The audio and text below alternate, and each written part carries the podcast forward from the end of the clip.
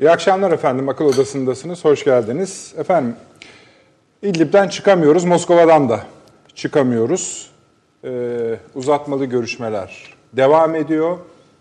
Biliyorsunuz Ankara'da bir ilk temas olmuştu. Sonra liderler arasında bir temas olmuştu. Heyetimiz Moskova'ya gitti. Orada birinci gün görüşmeleri yapıldı. Bir anlaşmaya varılamadı. Bugün ikincisi yapıldı. Ve şu an itibariyle eldeki durum şudur efendim. Sıfıra sıfır, elde var sıfır. Bir anlaşma yok. Hatta şunları söyleyebiliriz. Rus tarafı anlaşıldığı kadarıyla e, önümüze bir harita koymuş. Bu haritada ki Türk resmi ağızları o haritadan kağıt olarak bahis ediyorlar.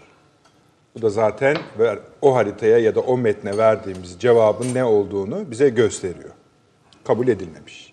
Şimdi anlaşılan e, bu görüşmeler devam edecek. Daha tam haberi gelmedi.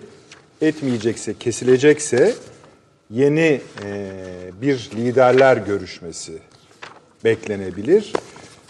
Ama zaten bu görüşmeler liderlerin böyle yapalım bakalım nasıl bir çözüm çıkacak diye uzlaşıp vardıkları bir nokta idi. Ee, bir çözüm olmamış tablo pek iyi durmuyor. Onu söyleyelim. Yani e, Sayın Cumhurbaşkanı Sözcüsü'nün ifadesiyle oldukça hassas bir noktadayız. Bir yandan bizim gazeteciler daha rahat konuştuğumuz için şunu söyleyebiliriz ki bu tehlikeli bir noktadır. Onu da rahatlıkla söyleyebiliriz. Ee, sahadaki durumda şöyledir efendim. 12 gözlem noktamız vardı biliyorsunuz. Bunların yanında 16 tane de konuşlandık ayrı yerlere, konuşlanma noktası diyelim onlara biz. Toplam 28. Bu 28'in 12'si rejim tarafından kuşatılmış durumda. Ve bir yandan da biliyorsunuz geri sayım devam ediyor. Ne geri sayımı? Şubat ayı sonuna kadar demişti Türkiye. Bunlar buradan çekilir ya da ben onları çekerim. Özü bu. Şimdi dediğim gibi İdlib'den de çıkamıyoruz, Moskova'dan da çıkamıyoruz. Ama Türkiye ve dünyanın ilgilendiği olaylar sadece bu kadar değil. Elbette birinci konu olarak bunu konuşacağız ama bakın Münih Güvenlik Konferansı var. Bunu konuşmamız gerekiyor. Orada hem Çin ABD hem ABD Avrupa arasında çatışmalar ve kırılmalar yaşandı. Önemlidir. Sayın Kemal Kılıçdaroğlu vesilesiyle bir de Hindistan sorunumuz oldu biliyorsunuz. Onu da hani tabii onu da çok suçlamamak lazım. Çünkü Suriye'de ve Akdeniz'de ne işiniz var diyen bir dış politika anlayışına Hindistan derseniz onun menzilinin çok dışına çıkmış oluyorsunuz. Paniğe kapılması normaldir. Kıbrıs'ta Maraş zirvesi yapıldı. Fransa Rum kesimi Akdeniz'de sınırlarımıza yakın uçak gemisinin de bulunduğu bir askeri tatbikat başlattı. Ee, Halep, diyeceksiniz ki Halep, Halep'te uluslararası havalimanı var efendim. Bu kadar kaosun, savaşın içinde, çatışmanın içinde uluslararası ilk uçuşunu yaptı rejim şeyden Halep'ten Kahire'ye. Bu da zaten bir herhalde mesajdır. Çin virüs meselesi devam ediyor, Çin'deki virüs meselesi fakat siyaseti etkilemeye başladı. Bu da ilginç, buna bir değinmek isteriz. İdlib özelinde NATO yani Suriye'deki NATO varlığı, Amerikan varlığı üzerindeki tartışmalar devam ediyor. NATO'nun kendi açıklamaları olmasına rağmen Birleşmiş Milletler'in açıklaması var. Bir İdlib'i işaret ederek 21. yüzyılın en büyük insani felaketi dedi. Bu değişik bir şey. Özel olarak da İdlib'i ifade edince bu başka bir anlama da gelebilir Türkiye'nin lehine. Ona da bakmak isteriz. Avrupa, Libya konusu, orada bir takım çatışmaların olduğu söyleniyor. Hatta bizim gemimize ateş açmayı denediler. Cılız bir şeydi zaten ama karşılığını gördüler. Burada da bir problem var. Avrupa Birliği buraya vaziyet etmeye çalışıyor efendim. Münih zirvesinde böyle bir şey çıkartmaya çalıştılar. Avrupa Birliği bu Birleşmiş Milletler ambargosunu askeri olarak takip etsin diye Türkiye elinin tersiyle tersledi. Fakat şimdi de kendi başına bunu yapmaya çalışıyorlar. Yani zaten Libya'da Hafter taraftarlarını destekleyenler Avrupa'daki kimi ülkeler. Şimdi onların bunu kontrol etmesi garip bir şey.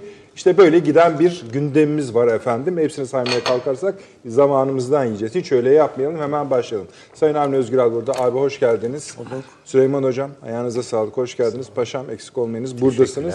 Avni abi evet. Bu Moskova'daki e, Artık müzakere ediliyor. Müzakere bu yani hani görüşmeyi aşmış durumda. Yani nasıl yapalım boyutunu Evet. aşmış durumda. Bir siz de bir tıkanma görüyor musunuz? Bu tıkan hadi onu da geçtik. Bir bu tıkanmanın herhangi bir şekilde aşılabileceğine ilişkin ki olabilir biliyorsunuz. İnancınız nasıldır? Okumanız nasıldır? Ve siz de tehlikeli görüyor musunuz bu işleri? Yani siyasette tabii bir tıkanma var. Gerçi bugün e, Sayın İbrahim Kalın işte yine de müzakereler yoluyla aşılacak diye. Ama ümitli bir tab ümit var bir tablo da koymadı ortaya. Ama daha riskli bir tabloyu e, İdlib'de İdlib'i işaret ederek çizdi. Hayır, yarın sabah başka bir şey olsa da şu anki tablo bu. Anlattığımız Evet, gibi. ya Yani o fotoğraf o, bu. fotoğraf Ama bu. İle ilgili Sayın Cumhurbaşkanımızın işaret ettiği e, şeyi, tabloyu bir kez daha altını çizdi. Bu da nedir? Bizim askerlerimize dönük tek bir ha- şey olduğu anda artık e, Türkiye bunu bir şekilde e, güçle geriye iter. Hatta kim yaptı diye de bakmam diyor. Kim yaptı diye, Diye de de bakılmaz dedi. Şimdi dolayısıyla yani bu sıkışık bir durum. Bugün Halep'te Şam yönetiminin kutlamaları vardı. Televizyonlarda falan da. Yani bizde de böyle şeyler yayınlanıyor biliyorsunuz. Hatta e, Esed'in e, televizyonda yaptığı konuşmayı da yayınladı bizim Türk televizyonları. Türkiye'den söz ederken e, Esed kuzey diye söz ediyor. Kuzeyden gelen saldırılar diye söylüyor. Yine yani işte ise oradan da oraya Türkiye'nin adını telaffuz etmedi de kuzey dedi. Ee, yine teröristler diyor, şunu diyor, bunu diyor filan. Yani oradaki gruplarla ilgili. Yani Türkiye'nin e, o Türkiye'nin himayesinde diye işaret ediyor gruplara falan. Onun için bu işin e, bir çözüm yoluna girmesi ihtimali şu noktada görünmüyor. Çünkü hem Şam hem de Rusya bir açıklama yaptılar. Yani rejim güçlerinin geriye çekilmesi söz konusu değil dedi. Geldiği noktadan geriye çekilmesi söz konusu değil dedi. Rusya söyledi. E, Esed de zaten tekrarlıyor bunu. Zaten Esed çekildi. Dolayısıyla yani bizim orada nasıl bu şeyi ta, e, koyduğumuz e, şeyleri e, noktaları nasıl e, muhafaza edeceğimiz ve şeyi e, veya çizgimizi nasıl muhafaza edeceğimiz buna ilişkin e, soru işaretleri var. Tehlikeli yer orası esasında. Evet yani bu. Yani birisi çekilmeyeceğiz diyor, öbürü de çekileceksiniz diyor. Mesele bu. Şimdi Birleşmiş Milletler'den veyahut da Avrupa Birliği'nden gelen e, nezaket cümlelerinin hiçbir işe yaramadığını Sayın İbrahim Kalın'ın söylediklerinden birisi de buydu. Ya Biz böyle bir şey beklemiyoruz. Ben Yani onu biraz Trump'a yönelik anladım sanki. Çünkü o o, o da var. O da tabii. var. Yani efendim size tebrik ediyoruz, arkanızdayız, çok başarılısınız filan gibi böyle aferin cümleleri yani filan. Bunların herhangi bir kıymet harbiyesinin yani sahada bir kıymet harbiyesinin olmadığı orta, o, o manada ortaya çıkıyor. Birincisi bu.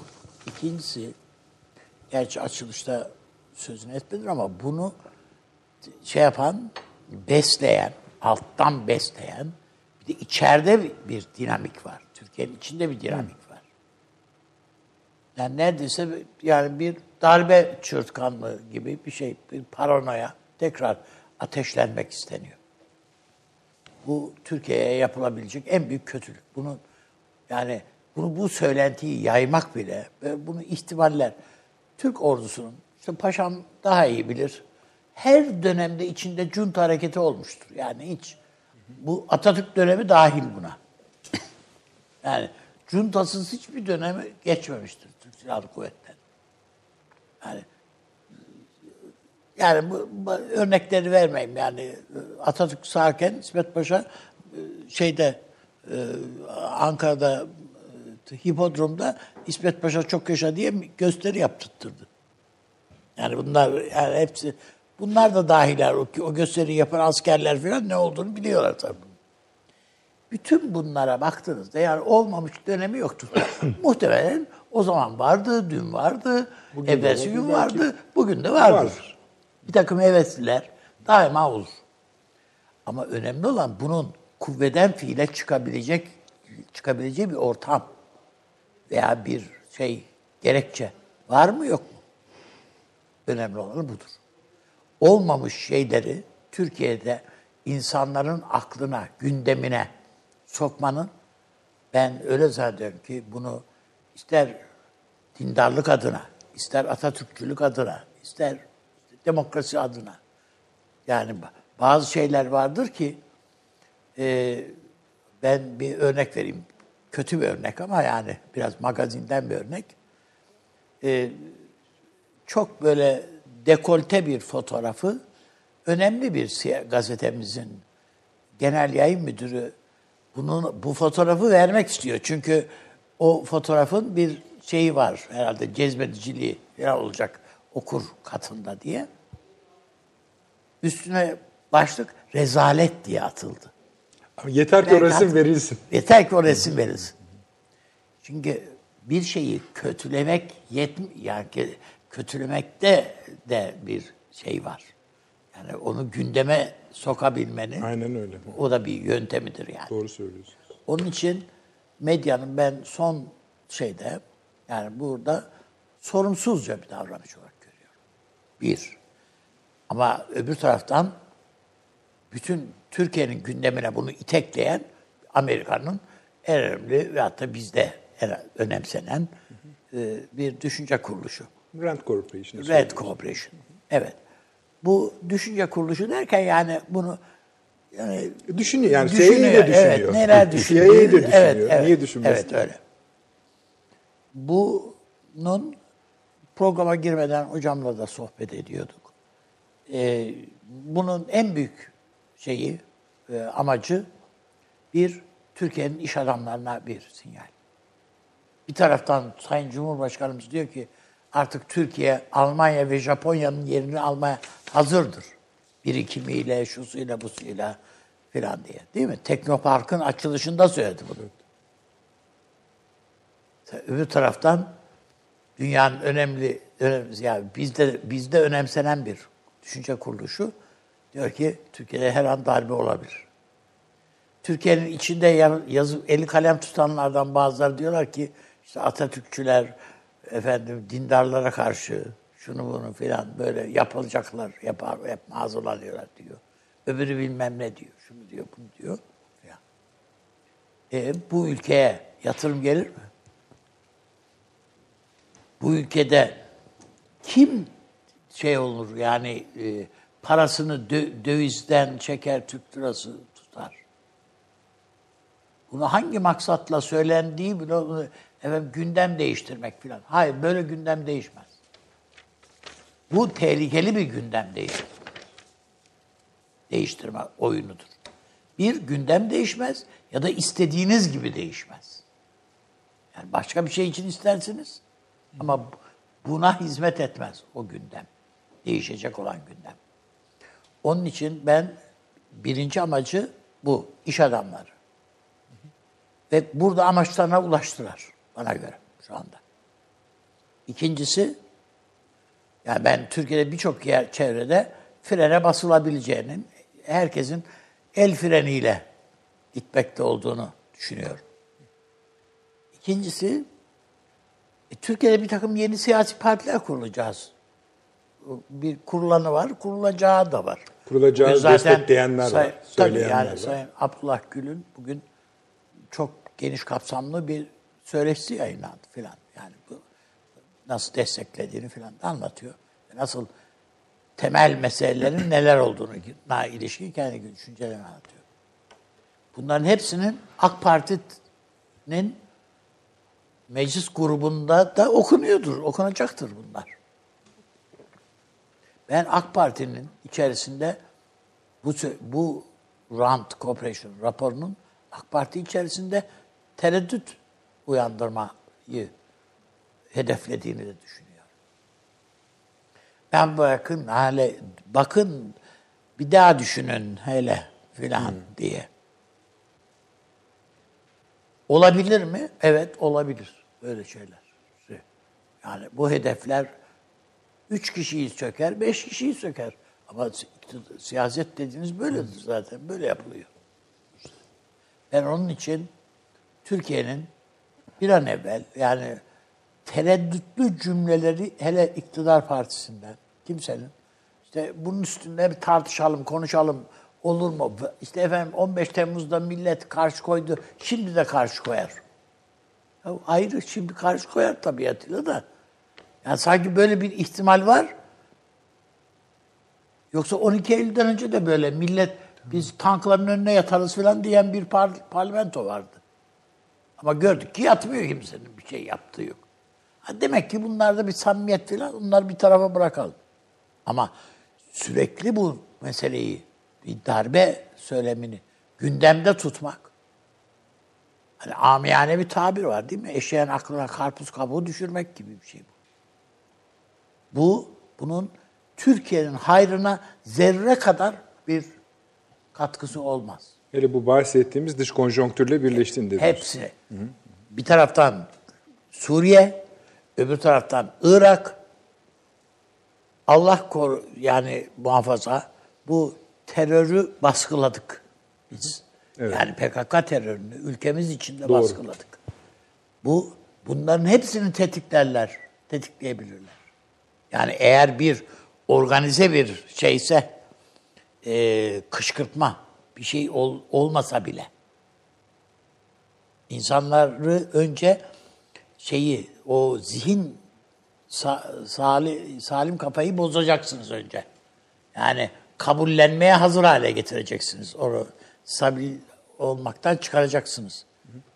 Ee, bu, bu olduğu takdirde ben e, olmayan şeyin hani şu vukuundan beter e, çok daha etkili e, sonuçlar doğurabileceğini düşünüyorum.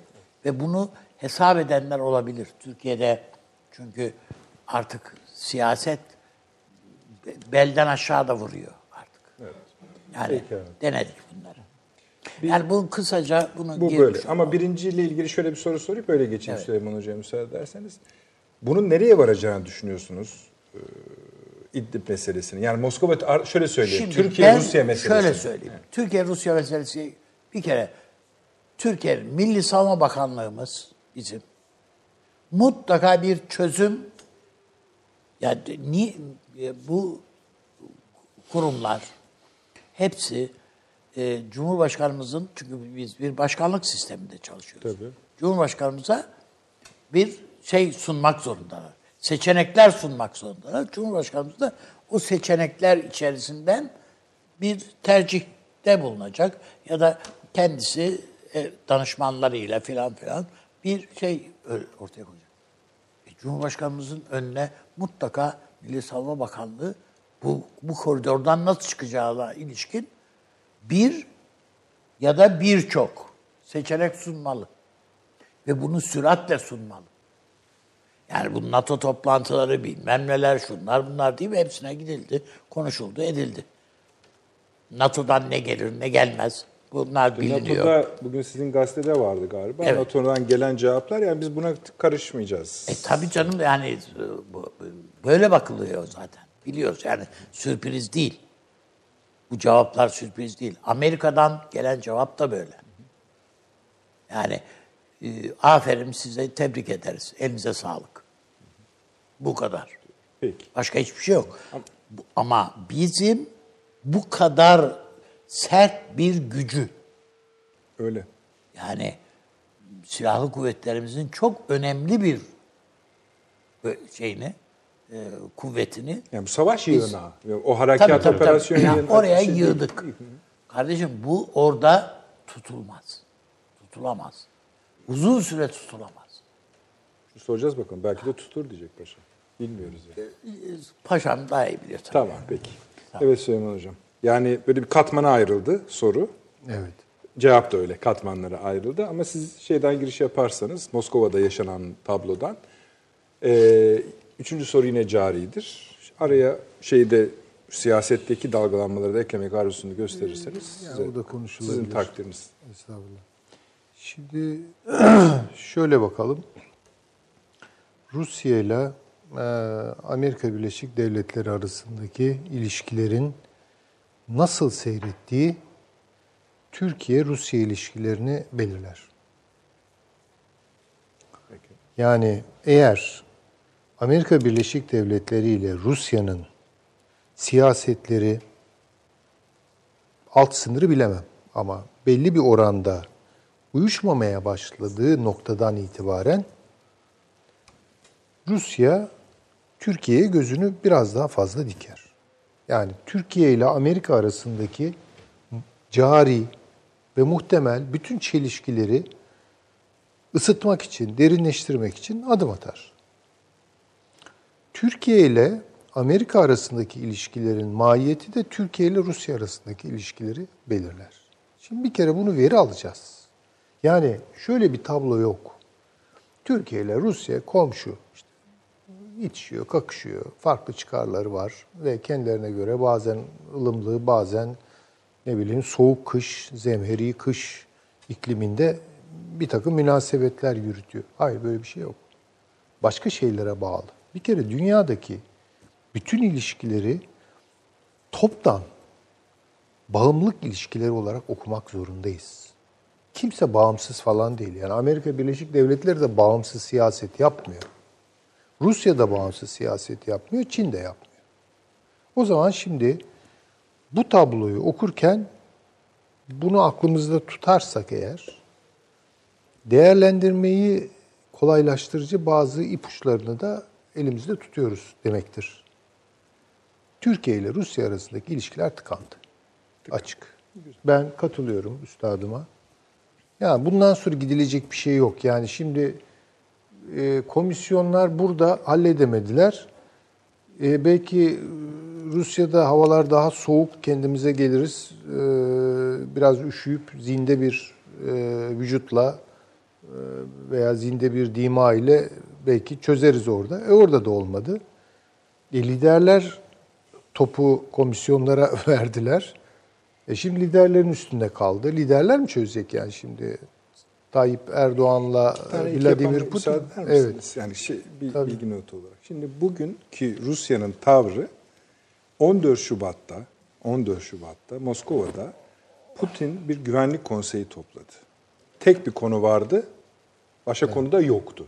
İdlib. Tamam. Burada belirlendi şu an ne söyleniyorsa Türkiye'ye. Tamam. Ve e, ne kadar esneyebilecekleri de orada söylenmiş demektir bu. Yani Esneseydi şimdiye kadar esner. ben işte öyle söyledim. İkincisi de şu söyleyeyim hocam. Bundan size katkı olsun Evet. özellikle. Amerika'nın bir şey yapıp yapmayacağı, hadi ona bağlı olarak NATO'nun bir şey, Birleşmiş Milletler'in bir şey yap yapmayacağı konusunda bir tek şunu eklemek isterim. Ben de zaten biliyorsunuz fikren hani burada beraber bir şey yapma konusunda her zaman titizlenen birisiyim ama Pentagon ve Dışişleri'nin görüşü şöyle, Amerikan Dışişleri'nin. Yalnız Beyaz Saray'ın görüşü bu değil. Ee, eğer İdlib Rusya'nın ve Şam rejiminin istediği gibi sonuçlanır ise yani bu gözlem noktaları daha yukarı giderse demek değil. Bugün benzer bir ifadeyi Sayın Kalın da söyledi satır arasında. Eğer dedi biz bunu yapar isek yani geri çekilir isek İdlib'in tamamı gidecek dedi. Bugün kendisi söyledi bunu. Amerika da öyle görüyor. Yalnız Amerika onun devamında diyor ki bu olur ise sıra bize gelecek. Yani şeyin doğusuna. Suriye'nin doğusuna. Gel gelelim bir şey bırakmadılar orada. İçeride petrol bizde maliyeti yok. Asker harcamıyorum. Petrolü biz alıyoruz diye. Şimdi burada bir hassasiyet gösterebileceği ama onun ne olduğunu bilmiyoruz. Hassasiyet göstermiş. Bu sadece bu noktaları Amerika'nın eklemek için gündeminde bağışlayınız. yok böyle şeyler. Buyurun. Yani Amerika şu an bambaşka meseleleri konuşuyor. İdlib filan böyle ortalarda sıra geliyor. Hoş tabii ki o konuya dönük e, ilgilerini, takiplerini yapıyorlardır ama merkezi derecede şu an önemli değil Amerika E için. zaten hani Pentagon konuşuyor, şey der öyle değil dedim ya. o yani. yani- Onun derdi seçim. Pentagon'un bile şu an çok başka öncelikleri var her neyse ama e, gelinen noktada tıkandık. Şimdi bu şu demek. Yani Rusya Türkiye'ye rağmen bir şey yapıyorsa Amerika-Rusya ilişkileri e, yatışmıştır. Daha Yani- iyidir diyorsunuz. Ya iyidir diyemem de şöyle. En azından. Ee, yani mesela diyelim ki bir bilek güreşi yapıyorlarsa e, biri yenilmiştir. Yani veya hala çok dengede duruyorlardır. Yani, yani demek istediğim şey hani bu Rusya'nın yararına, çıkarına vesaire. Amerika Birleşik Devletleri bugün Rusya'ya diz çöktürüyor. Diz çöktürüyor. Bunu biz göreceğiz. Eğer Türkiye ile Rusya arasındaki ilişkiler bozuluyorsa bu Amerika Rusya'ya diz çöktürdükten sonra Rusya'nın masasına koyduğu özel bir taleptir. Ben bunu böyle okurum. Yani çek ayağını Türkiye'den demektir bu. Türkiye'yi bana bırak demektir. Yani böyle ortak işte hele hele İran'ı falan da yanınıza katıyorsunuz. Böyle burada bir takım siyasetler yapıyorsunuz. Bunu yapamazsın. Yapmayacaksın. Şimdi Yani aslında şunu söylüyorsunuz. Amerika yüzünden Rusya Türkiye'yi Amerika'ya itiyor diyorsunuz. tabii ki. Söylediğiniz bu evet. Tabii ki yani. İtiyor değil ya bırakıyor. Yani Ya ama zaten işte itlip de üstüne gelirseniz he, tabii evet. ki zaten mesele o. Yani Amerika Birleşik Devletleri ile Rusya arasındaki ilişkiler bugün artık e, rekabet yüklü değil. Amerika Birleşik Devletleri ya bu Rusya'daki ne ki yani diyor bugün. Yani çok böyle mesela NATO'nun konseptlerini değiştiriyor. Daha ötesi var mı? Çin dedi yani. Rusya değil demeye getirdi. Rusya niye Amerika Birleşik Devletleri'nin rakibi olsun ki? Neyi varmış Rusya'nın? İşte diyor nükleer silah. Canım şimdi bir dakika iş oralara gelirse zaten başka defterler açılır. Ama normal şartlarda Amerika Birleşik Devletleri'nin dünya siyasetini dengeleyecek, rekabete açacak bir Rusya yok ki. Rusya'nın şu an derdi ayakta kalabilmek. Çünkü e, Stratfor raporlarında açıkça ortaya kondu. Rusya'yı parçalayacağız diyorlar. Rusya'yı parçalamak, Rusya'yı yenmek, rakip olmaktan çıkartmak için değil, daha büyük bir takım amaçlar için. İşte bunun öncü e, depremlerinde Ukrayna'da, Kafkasya'da, Gürcistan'da, şurada burada yapıyorlar. Yani Amerika Birleşik Devletleri Rusya'yı parçalamak istiyor ama biz bunu soğuk savaş konseptlerine göre yorumluyoruz. Diyoruz ki yani rakibi Rusya çünkü. Ya rakibi falan değil. Bugün gerçekten Amerika Birleşik Devletleri'nin rakibi de rakibi ki ne kadar rakip olabildiği ayrıca bu son virüs meselesinden sonra tartışılır. Çin'dir. Rusya falan O değildir. parantezi bir tamamlayın. Şimdi, şimdi mesela virüs meselesini niye söylediniz? E, yani ben şimdi sağından bakıyorum, solundan bakıyorum. Yani komplo teorilerinden hiç hoşlanmıyorum. Eyvallah. E, çünkü habire konuşuyor bu adamlar işte saldılar virüsü şuradan buradan ama şimdi o onunla ilgili biraz okudum, baktım. E, çok kolay Çin'de bu şeyi virüsü yaygınlaştırmak. Tamam. Çünkü o Wuhan e, kentinde e, zaten 2-3 tane biyolojik şey var, merkez laboratuvar var. Çok tehlikeli şeyler var orada. Tamam. Ya bir kaçak zaten Tamam götürür oldu. onu. Peki ne demek istediniz yani şimdi? Bu şu demektir, 500 milyar doları anda kaybettiriyorsunuz şeye. Tamam. Çin'e. Yani ha şunu söylüyorsun. Çin'de ekonomi bitiyor, duruyor. Sokaklar boşalıyor. Çin'in bunu yönetemediği üzerinden bir şey söylemiyorsunuz. Bunu kimse yönetemez zaten. Ha tamam. Ben size söyleyeyim ki bence Çin bunu her şeye rağmen çok iyi yönetiyor. Yani eğer Çin'in de söyledikleri doğruysa Ama tabii. hocam yani Çin malı oyuncak bile satılmıyor dünyada Bitti. artık. Yani demek istediğim o. Yani bu, bu şey değil. Ee, Çin'in yönetememesiyle falan ilgisi yok. A- Bunun Bakın üzerine aynı neden şey. gittim biliyor musunuz? Şu sebepten dolayı. Sizin tamam siz mutabıkız. Siz de katılıyorum. Tamam. Kabul ederseniz. Estağfurullah. Ee, bugün Sayın e, Sözcü bu konu geldiğinde Çin bu işi çok iyi yapıyor dedi. Çok Ben- iyi yönetiyor. bence de öyle yapıyor. Mücadeleyi dedi. Bence de çok iyi Ama yapıyor. sizin dediğiniz başka bir şey bu konuda. O. Şimdi şu Zararı gördü mü yani gördü. hadi diyelim ki bu bir tesadüf oldu. İyi yaşa abi. Ama Amerika için altın tesadüf yani. Öyle Şimdi bir bu şey kadar da tarihte altın kıymetinde tesadüf olmaz Çok yani. şüpheli hareketler Hocam yapıyorsunuz. bu kadar tesadüfe macera filminde bile yani saçmalık diyorlar. Diyorlar evet doğru. Demek istediğim şu. Yani Amerika e, Çin'e freni bastı ve Rusya'yı çünkü Rusya'nın bütün şeyi şuydu planı. Putin döneminden başlayarak. Yahu şu Amerika'nın beni parçalamasını engelleyici ne yapabilirim? Bir ayakta kalmam lazım. Petrol fiyatları ve doğal gaz fiyatlarının yüksek tutulması gerekiyor bunun için. Bunda bir sürede başarılı oldu Rusya ve içeride de bir şey sağladı. Bolarma, bir bolluk falan sağladı. Fakat şu an düşürüyorlar petrol fiyatlarını. Amerikalılar çatır çatır yani Rusya'nın gidecek yeri yok. Rusya üretim yapamaz. Rusya ne, ne yapabiliyor yani? Biraz kimya endüstrisi vardı. Biraz belki işte savaş Ham madde hocam. Ham hiçbir madde şey başka yok. bir şey yok. Sanayi yok ki. Sanayi yok. Dolayısıyla yani militarist ekonomisini de ayakta tutabilmek için bile fon lazım. O fonunu da çekiyor ayağının altında. Petrol fiyatlarını düşürüyor. Doğalgaz fiyatlarını düşürüyor. Rusya'yı böyle şeyde bırakıyor. Yani kontrpiyede. Bir de Rusya tabii girdi ta Libya'ya kadar Doğu Akdeniz. Zaman zaman e, Üstad da anlatıyor, Paşamız da anlatıyor.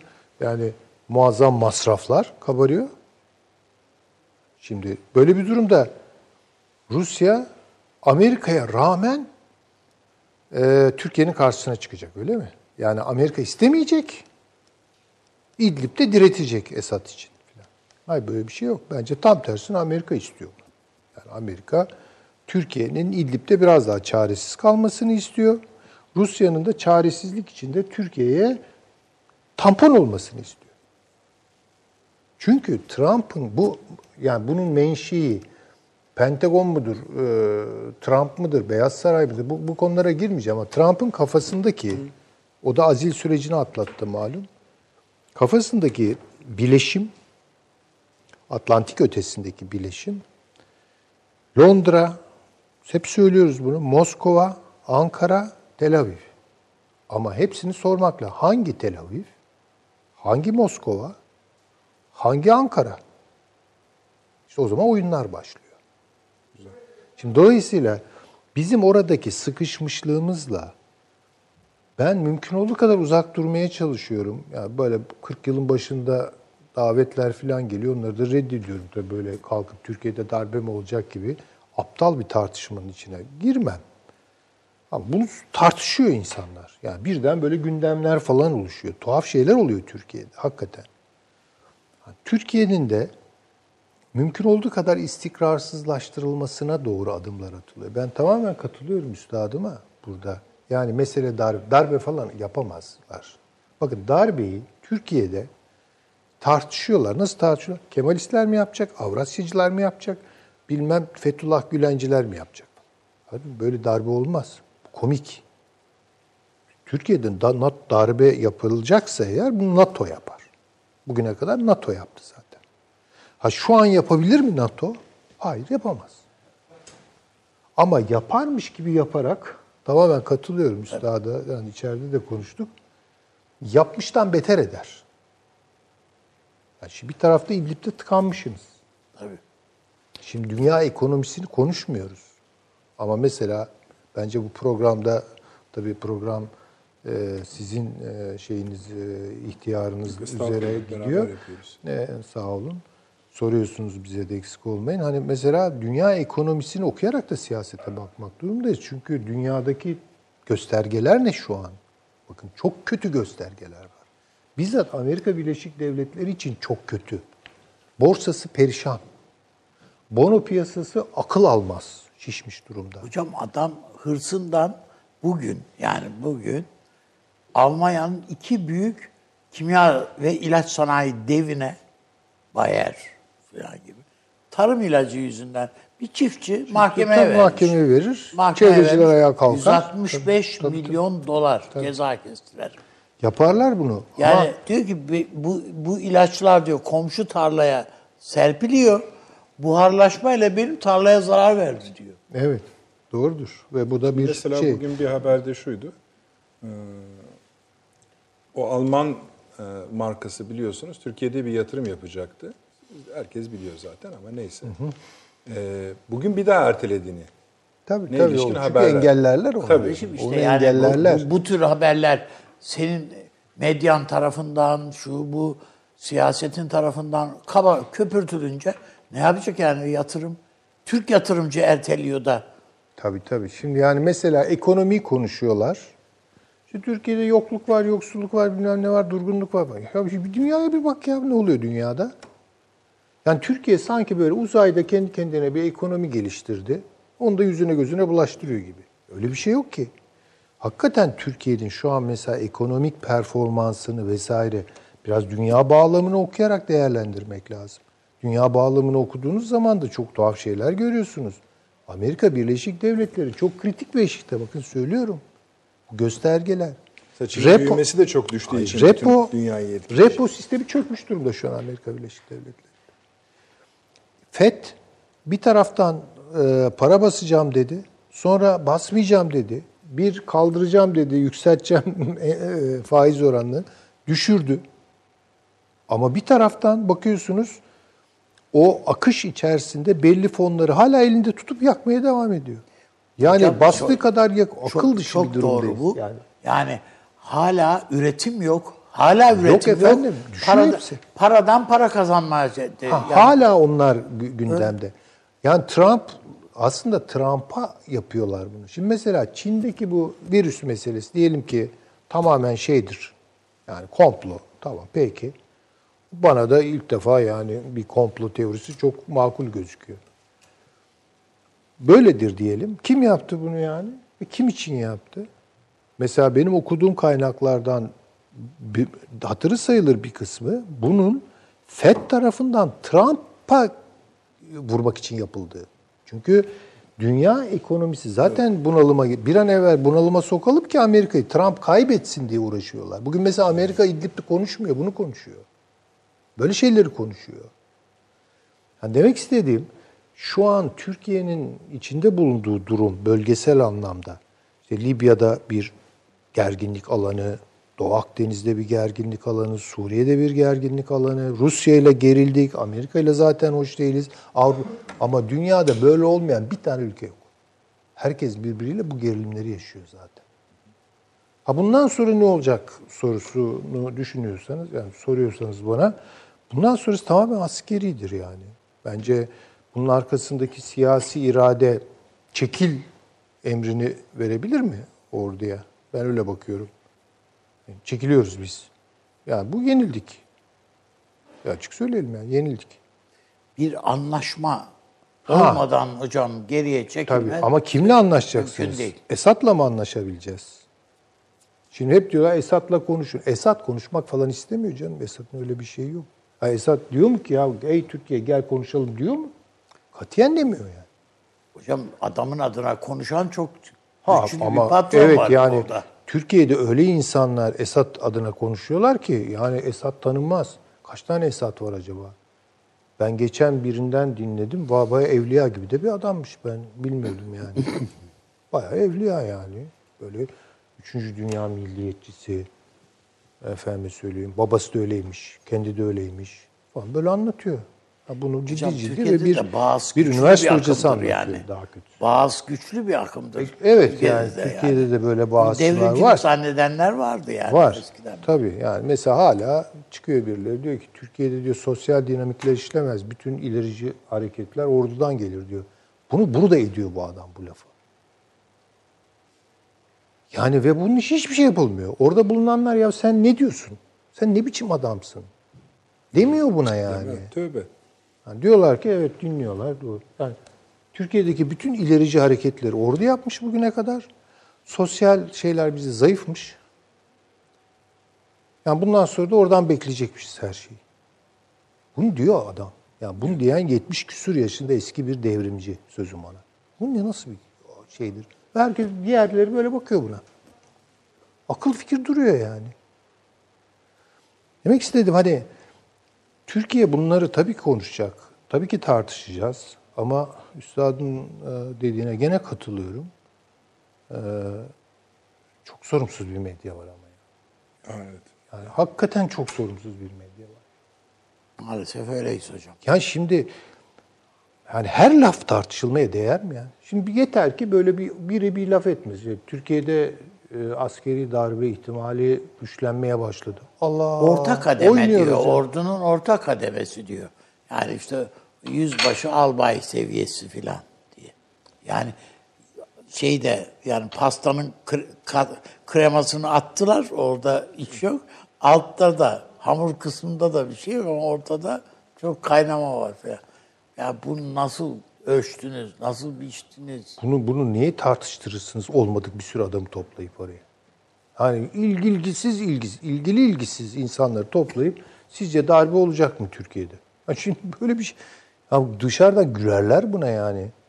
Bu bir komedi filmi falan mı Hocam çeviriyoruz adam yoksa? şunu, şunu Rapor- görüyor. rapor adam şunu biliyorsunuz görüyor bir hocam. satır sadece. Oltayı attık. Bunlar Zoka'ya geldiler Geldiler. diyor. Onu söylüyorum işte. O bir satır halbuki. Geldiler. Yani şimdi mesela Rand Corporation tamam bunu yazdı güzel. Evet, gayet E, devletin ya istihbarat, zaten. istihbarat kuruluşları yok mu? Var. Okuyorlar değil mi? Bunu gönleminde alacaklar buna karşı.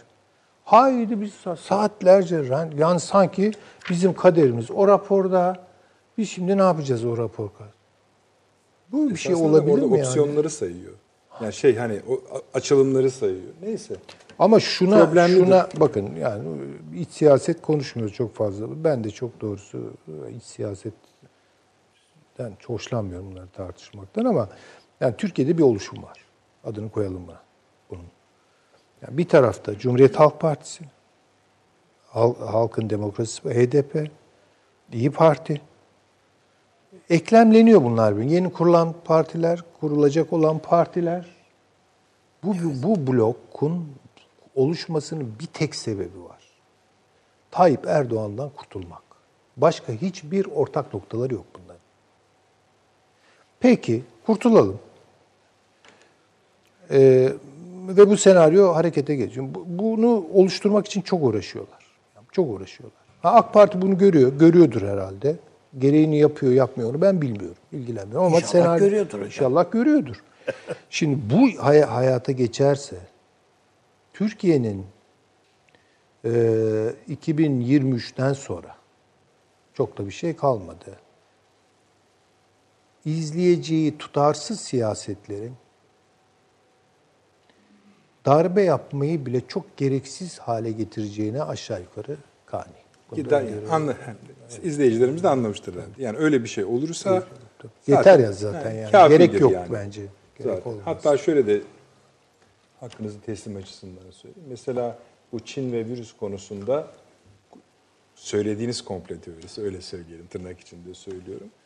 Diğer bu konuda her kanalda uzun uzun konuşup komple teorileri kuranlara da biraz ders olsun. Bunlar o kadar da kapalı kaynak değil çünkü. Yok, değil biraz var. Yani şu ülke yaptı, bu yaptı, şu firma yaptı deyip işin içinden çıkıp bunun üzerinden Türk kamuoyunu da etkileme fikri sadece kendi çıkarlarına hizmet eder. Yani içi tamamen boş kitapları satmaktan başka bir işe Bir şey yaramaz. yaramaz. Peki hocam. Teşekkür ediyorum. Evet paşam. Şimdi tabii siyaseti de konuşuluyor. Dış bağlantıları da konuşuyor. Bir de sahadaki gerçeklik var. Sahadaki gerçekliği zirve üzerinden giderek bize anlatır mısınız? Yani şöyle diyeyim, zirve öncesi yani e, hemen Münih Güvenlik Konferansı'nda zaten bu zirvenin e, nasıl geçeceği ve sahadaki e, durumun nasıl şekilleneceği oradaki konuşmalardan hemen hemen çıkarılabilir durumda olduğunu ben düşünüyorum.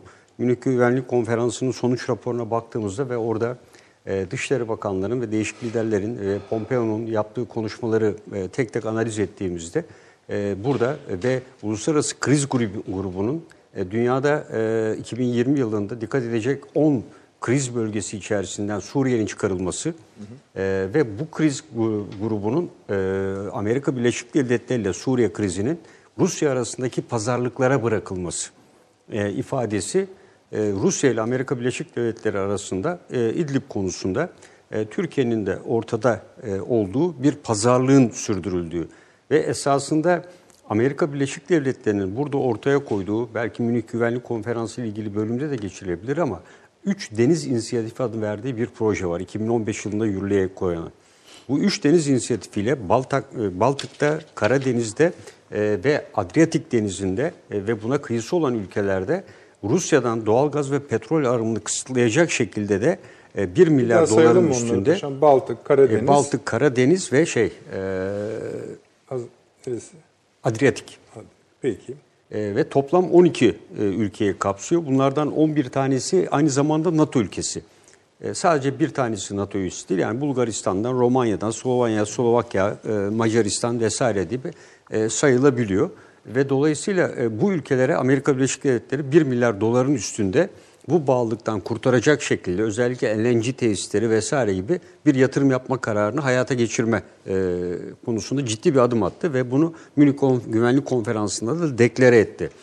E şimdi bir yandan bu tarafa bakarken e, diğer taraftan da pazarlıkların devam ettiğini İdlib konusunda diyor ki yani bu Amerika ile Rusya arasındaki bir pazarlık konusudur. E, Uluslararası Kriz İzleme Grubu ve bunun da büyük bir kısmını oluşturan Amerika e, stratejik kuruluşları bu Yani ifadeyi. Süleyman Bey'in dediğine Evet. destek veriyorlar. Evet evet. Bu Yani- ama Rent Corporation gibi fal açan bir yer değil. değil, evet. Biraz daha ciddiye almak Evet. gereken. E, dolayısıyla yani bu e, krizde e, hiçbir şekilde Suriye'nin içinde Türkiye'nin adı geçmiyor ve doğrudan doğruya Amerika ile e, Rusya arasında bir pazarlık konusu olduğunu, bir çatışma da değil. Yani bu pazarlık konusu nedir diye baktığımızda bir tarafta elbette e, Amerika'nın şu anda bulunduğu PKK terör örgütü yani 200 milyon dolar da yeni e, harcama için bütçe tahsis ettiği e, ve Rakka Derizor bölgesini itibar eden e, bir bölge. E, diğer tarafta da bunu Rusya üzerinden belki bölge üzerinde e, hakim olacak bir şekilde 100 yılın anlaşması e, konusu var. Yani Trump'ın şu anda bu konudaki tartışmalar azalmış görülmekle birlikte e, bu konunun e, Amerika Birleşik Devletleri'nde şu anda devam eden özellikle e, demokratların başkan adayı seçimlerinde de sık sık gündeme getirilen bir konu olduğunu görüyoruz. Yani e, bu, bu planın e, özellikle Amerika Birleşik Devletleri'nin Orta Doğu'daki e, itibarını ciddi şekilde sarsacağını, zaten Amerika'nın e, bu bölgeye yönelik hegemonyasında ciddi bir gerileme olduğunu, bu gerilemenin daha da artabileceğini ve özellikle İsrail'e yönelik olan e, İsrail'de de iç sıkıntılara yol açabileceğini, sade ve sadece bu hamlenin Netanyahu'nun seçim kazanmasına yönelik bir hamle olduğunu e, ifade ediyor. Ve dolayısıyla e, Trump'ın her adımda esasında iç kamuoyunda da giderek güçlendiğini görüyoruz. Trump'ın seçim kazanma ihtimalinin de kuvvetli olduğu ifade ediliyor. Bu çerçevede e, Trump Orta Doğu'da e, özellikle kaldığı, ele geçirdiği bölgelerde kalıcı olmak isteyecektir. E, bu sadece değil, Golan üzerinden daha evvel hep söylüyoruz. Dürzi bir devletin de burada İsrail'in kuzeyini tam anlamıyla emniyete alacak şekilde bir bölgenin tesisidir.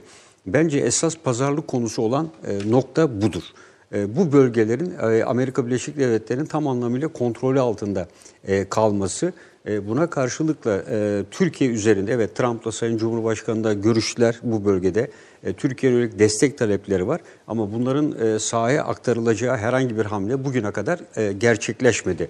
Yani senaryolar içinde Amerika'nın işte uçak gemilerinden destek sağlanır mı vesaire filan gibi bir konu var ama Türkiye burada bir şey yapacaksa e, Türkiye tamamen kendi göbeğini burada kendisi kesecektir. Yani bu e, görüşmelerden e, bunu net bir Zaten şekilde şöyle bir- anlayabiliyoruz. eğer hani sizin ve Süleyman Hoca'nın tezleri doğru ise öyledir. Doğru ise Türkiye'nin ne Amerika ile ne Rusya ile bir şey yapmaması mı gerekiyor? Evet. Tabii. Yani Şu aşamada zaten ki- yani- e, evet. attığı her adımın sahada e, gerek Rusya e, gerekse Amerika yani tarafından şuna geldi. evet. Kurduğun boynu niye kalın? evet. Kendi işini kendi yapar Yani mı? olay sadece yani e, niye kalın da yani kendin işini ne yapacaksın yani? Nasıl yapacaksın? Olay sadece İdlib boyutu değil yani olayın bir de diğer taraf boyutu var. Barış Pınarı Harekatı bölgesi de var. Tamam. Afrin bölgesi de var. Yani bu, bu kısımları da dikkate almak gerekir.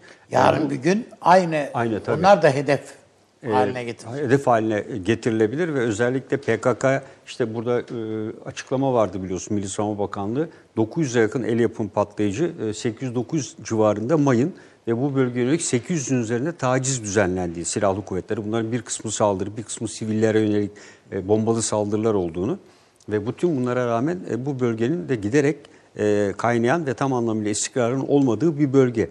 Hani bu bölgeye siviller gelecekti, tekrar geri döndürülecekti. Buna ilişkin Rusya'nın hiçbir hamlesi ve çabası yok. E, bu çaba neyi gösteriyor? E, Suriyelilerin bu bölgeye getirilmemesi suretiyle mevcut statikonun yani e, buradaki YPG ve PKK'nın oluşturduğu bir e, Kürt yapılanmasının, bir terör devletinin oluşumuna Rusya'nın da e, ışık yaktığı anlamı taşıyor. Çünkü Rusya e, bu Soçi'de yapılan 10 küsur maddelik mutabakatta Türkiye ile birlikte mültecilerin burada Suriye'de kendi topraklarına geri dönmesini kolaylaştıracak her türlü tedbirleri alır demişti. Buna yönelik Türkiye'nin Sayın Cumhurbaşkanı orada konutlar yapılması birçok kez bu duyurularda bulundu. Ama hiçbir kesimden ki üstelik anlaşmada olmasına rağmen karşılık görmedi. Bu da e, Rusya ile Amerika Birleşik Devletleri'nin bence üzerinde anlaştıkları e, önemli bir konu olarak düşünüyorum. İsrail'de dahil buna evet, galiba. İsrail de e, buna dahil. E, ve e, buradan baktığımızda bunun İdlib'e doğru da e, uzanabileceğini ve Afrin üzerindeki gelişmelere karşı da bizim çok hazırlıklı olmamız gerektiğini düşünüyorum. Yani bu Afrin e. Afrin. Yani ben e, İdlib'den ziyade e, burada daha çok önemli olan ve bizim açımızdan her ne kadar arazi açısıyla taktikselse de şu an Afrin'in stratejik anlamda daha da önem kazandığını düşünüyorum. E, çünkü baktığınızda Halep'le e, Afrin e, birbirine izdüşüm e, oluşturan bir hat üzerinde duruyorlar.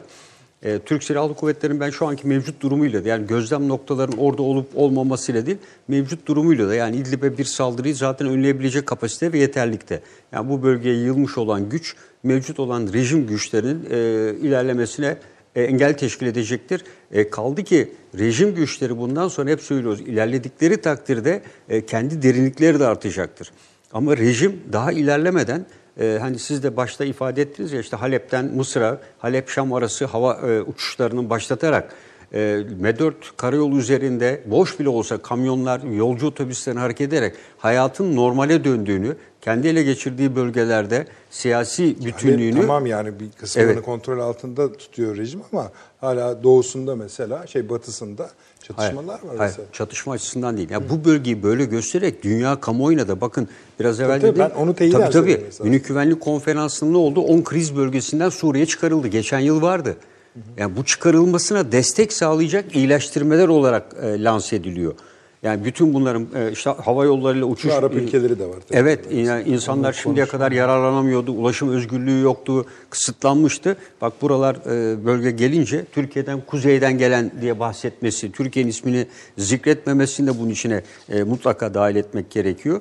E, ve tabii Rusya'da e, esasında Amerika Birleşik Devletleri'nin e, kendisinin özellikle e, petrol konusunda e, Avrupa Birliği ile olan bu yakınlaşmasını ortadan kaldıracak. Bu Üç Deniz İnisiyatifi'nin dışında da değişik hamlelerde e, bulunuyor. E, ancak e, Rusya'nın evet ekonomisi son derece... Bahsettiğimiz maddeleri aslında Evet. bir tek konu içinde tek tek işleyerek tüketiyoruz. Mesela Evet. Çin virüs gibi. Tabii tabii. Tabii, hepsi, tabii, hepsi, hepsi bağlantılı yani. Ama şimdi şöyle de bir şey var. Şimdi mesela bu toplam yani söylediklerinizi cem ettiğimizde ortaya çıkan tablo ne yazık ki iyi bir tablo değil. Çok- Tabii ki değil. Bravo. Değil. Yani ne Sonu- diyeyim yani böyle. Hayır, varacağı yer açısını söylüyorum abi. Şu anki tabloyu demiyorum sadece. Varacağı Eğer- yer ha, işte açısından. burada bir, bir tablo. burada bir bir gambit belki de hani bir ya da var bir şey yapılması gerekiyor. Bunu da söylemeniz gerekiyor. Şöyle bir şey var. Yani bir netleştirelim. Amerika ile Rusya bir Kürt devleti kurmak konusunda anlaşmışlar. Evet. İsrail ile birlikte. Bu bunu İsrail'de onaylamış. Buna karşılık Esed'e demişler ki sen yerinde kalabilirsin. Bir. Tamam. Bu. Bunu İran'da destekliyor. Evet. Bunu İran'da destekliyor. Nereden varıyoruz buna? İran hatta dedi ki Milisler onun e, içinde- şeyler e, yani Kendime Suriye sormuyorum. kendi vatanını koru, savunuyordu. Meşru müdafaa halinde Evet, falan evet. dedi. Açıklaması Türkiye'ye öyle. karşı falan dedi. Birincisi bu. İkincisi bu şey Rusya yani deki tabloyu ya PYD ile ilgili falan hiç şey yok. Yani o yüzden üstümüze üstümüze geliyorlar şimdi. Dolayısıyla bizim bir çıkış üretmemiz lazım. Hani köprüden önce bir son çıkış var. Bizim de bir çıkış üretmemiz lazım. Bunu oradaki silahlı kuvvetlerimiz üretecek. Başka bir askeri Başka bir- yani bence başka bir şey. Yani bunu Fırat'ın Tam adını batı- söylemiyoruz ama Fırat'ın- savaştan E, bahsediyoruz. tabii ki. Bunu efendim batı batısında yani İdlib coğrafyasında üretmek mümkün. Bunu doğuda üretmek mümkün. Yani Türkiye'nin ama bir formül üretmesi lazım kendisine. Bu gücü oraya yığdıktan sonra yani bir şey yapmamız lazım. Ama önceliğimiz burada e, vereceksek yani Püskürtmek. Rusya'nın doğusunda Barış Pınarı Harekatı bölgesinin bir ara Sayın Cumhurbaşkanı da ifade ediyordu. Batısı ve doğusu. Çünkü bizim için e, İdlib bölgesinde olası bir terör devletinin id- idare, e, ilan edilmesinden ziyade burada e, Heytül Tahrir Şam dahil diğerlerinin oluşturduğu bir yapı zaten var. E, bu yapı başlı Hocam, başına bu bir yapı, sorun. Bu yapı yani o e, Tarih Şam, Nusra şu bu. Bu inanın ki Türkiye'den daha fazla korkutuyor Şam'ı. Yok yok tabii zaten Yani onların da bugün açıklamaları bunlar- var. Ha, bunları da bunları da Türkiye yani arkadaş oyun öyle değil böyle de oynanır diyebilir olduğunu göstermeli. Zaten e, Ya mesela o- ben demin hani Evet, bu evet. Türkiye'nin savunma bakanlığı seçerek üretmeli derken Amerika dediğiniz Taliban'la pazarlığa oturuyor. Öbürüyle Yani bilmem şunu ne diyor. diyorsunuz. bunu. Üstadım, Türkiye Cumhuriyeti ordusuyla bu Heyetü Tahrir-i Şam arasında HTŞ diyeyim hocam. HTŞ diyelim. Evet. HTŞ arasında en azından bir paralellik. Bunu mu? Hocam şu anda zaten adam zaten e, Türkiye'ye saldırıyor yani bunlara saldırıyor. Bunlara Türkiye diye saldırıyor. Yani ay- ayırt etmiyor yani Şam. Bunu. Evet. Türkiye burada şöyle bir şey. Bunları Türkiye e, evet biz bunları terör örgütü olarak tanıdık ama biz bunları katlederek değil Rusya'nın talep ettiği, Şam'ın beklediği gibi katlederek değil. Çünkü 50 bin, 70 bin insanlardan söz ediyoruz. Gruplardan söz ederken. Katlederek değil, ikna ederek bunları silahtan arındırmak ve Suriye'nin içinde eritmek eğilimindeydik, niyetindeydik. Zaman kazanmak istedik bunun için. Ama buna izin vermediler. Vermediler tabii. Çünkü bu bu bu erime Şam'ın aleyhine. Tabii. Zaten Rusya'nın İran'ın aleyhine. şu oldu. e, Bu ÖSO'nun Suriye Milli Ordusu haline dönüştürülmesinin arka planında İdlib'de e, HTŞ'den koparılmış bir takım unsurların da olduğu. olduğu. Çünkü bunun toplantısı Urfa'da mı bir yerde Söylediler. yapıldı? Evet aşiretler. E, Evet evet. Evet, aşiretler toplantısı. Tabii yani. Şöyle bir durum var. Bu Heytü Şam, Heytü Tarih Şam'ın ileri gelenlerinin e, yaptığı bir takım açıklamalar e, var. Son bir haftada bu Moskova'da yapılacak olan ateş şeyde görüşmelerde bir ateşkese varılsa bile bunu asla kabul etmeyeceklerini, görüşmelere asla girmeyeceklerini. e, çünkü buradaki görüşmelerde en önemli sorun buradaki insanların e, gönderildikleri yer yok. Alternatif yok. Yani mesela örnekleme yapıyorlar kendi için. Afganistan'dayken gideceğimiz yer vardı. Suriye'de. Bosna Bosna'dayken gideceğimiz yer vardı. Şurasıydı. Ama bizim buradan itibaren e, can Ya güvenliğimiz kat- katliam istiyor Rusya. Evet. Evet Ve Rusya Şam. diyor e, bir diyor e, bu kesin olarak çözümlenmeden böyle bir Yani şey niye uzatmayız. biz bunu Tabii. diyelim yani Kobani'ye yönlendirmeyelim? Niye biz bunu bilmem nereye yönlendirmeyelim? Bu, bu insanlar öyle şey değil ki eli tut eli silah tutmayan insanlar değil. Yalnız şöyle bir şey var benim e, o konuda biraz aklımı kurcalıyor. Amerika Birleşik Devletleri bu HTŞ için bir tespitte bulundu. Yani böyle El-Kaide'yi suçladığı gibi bilmem IŞİD'i suçladığı gibi suçlamıyor bunları. Hatta yani bunların Ha, iki hafta önceki açıklamayı diyorsun. yani bunlar diyor pek de terörist gibi gözükmüyor. Her şey yani zaten kime saldırıyorlar ki dedi. Gidi dedi. Sadece E şey zaten dikkat- saldırmıyorlardı o ana kadar. Tabii. Yani o orada bence bu işin mühendisliğini kim yapıyor? Eğer Amerika Birleşik Devletleri gene komplocu e, düşünürlerimiz bilirler tabii bu konuyu. Eğer Amerika Birleşik Devletleri e, zaten kurduysa kendilerine etiket arıyorlar. Onlara etiket e, vermeyi e, vermeyelim. Peki. Hocam şey e, bugün İbrahim Kalın Bey bir şey söyledi. Yani bu noktada önemli. Dedi ki o drone saldırıları oluyormuş, yok şu oluyormuş, bu oluyormuş. Peki de dedi ölen var mı diye soruyoruz dedi. Bir evet iki şey var dedi. Ölen yok. Ama şey var, e, iki tane Rus uçağının Su-25'in parçalanmış e, görüntüleri Rusya sakladı. Memnun hava üstünde Heytü Şam'ın ilk yaptığı saldırıda, ilk O saldırısında. ilk, o, Ondan sonra tedbirini Yılbaşından önceydi, saldırısında. değil mi? Yılbaşından evvel iki Evet, tane veya üç tane Su-25 Yani ciddi şekilde ondan hasar sonra gördü. Türkiye üstlerine çöktü. Artık eylem meylem yapıyorlar bunlar. Yani Ölen var mı? Hayır yok. Şimdi dolayısıyla yani Türkiye başka siyaset geliştirmek diye bir şey. Yani İkincisini de söyleyin. İkincisini hatırlıyor musunuz? Hı? Hani bir, iki şey soruyoruz dedi. Bir, ölen var mı? Yok. Evet. İki, madem bu saldırılar oluyor size... Batı'da niye... oluyor. Yani doğuda oluyor, siz batıya saldırıyorsunuz dedi. Gibi. Yani söylemek istediğim adam ama vurmak istiyor Türkiye'yi. Esas şey bu. Gerekçesi şu olmuş, bu olmuş şey değil. Onun için Türkiye'nin başka bir şekilde yani sahada onun için söyledim yani bu e, Milli Savunma Bakanlığı, MİT, istihbarat, evet. dışişleri bizim bir siyaset üretmemiz. Yani bu bunlar tamam oynuyorlar böyle de o kadar göz gizli kapaklı da oynamıyorlar. Yani göstere göstere oynuyorlar yani. Peki. Bizim de bir kart açmamız Hı. lazım. Açalım biraz sonra o kartı ya da kartları. Sizden evet. izin alarak bir reklama tabii, gideyim. Tabii. İznini daha rahat konuşuruz. Paşam. Efendim şu ufak bir ricam var. Eğer katılırsanız sevinirim. Bu akşam bu konular başka yerlerde de konuşuluyor biliyorsunuz. Yani burayı övmek için falan söylemedim elbette biliyorsunuz. Ama asıl sorun şu. Burada şu anda e, bir yekün size arz ediliyor. Basının görevi esasen budur. Diğer, biz yalnızsak mesele yok. Ama diğer aynı konuda yapılan yayınlarda bir farklılık görüyorsanız onun anlamları üzerine de düşünmenizi rica ben, ederiz. Ben de bir şey rica edebilir miyim? Tabii Bizi seyreden insanlardan. Tabii ki. Darbe tartışmasının yapıldığı televizyonlara mesaj yazsınlar. Tabii. Bunun bu tartışmak tartışmayı e, sürdürmekle neyi murad ediyorsun? Bravo. Peki. Bence bu Tabii. Yani ben hani dış, dış şey. politika üzerinde söylemiştim. Bakın nasıl bir tablo var. Bu, bir de onlar nasıl alıyorlar? Yani diğer sadece şey yani tematik kanallardan da bahsediyoruz. Haber kanallarındaki tartışma programlarından. Yanlışı doğrusu açısından değil. Ama farklıysa farkını bir sormak lazım.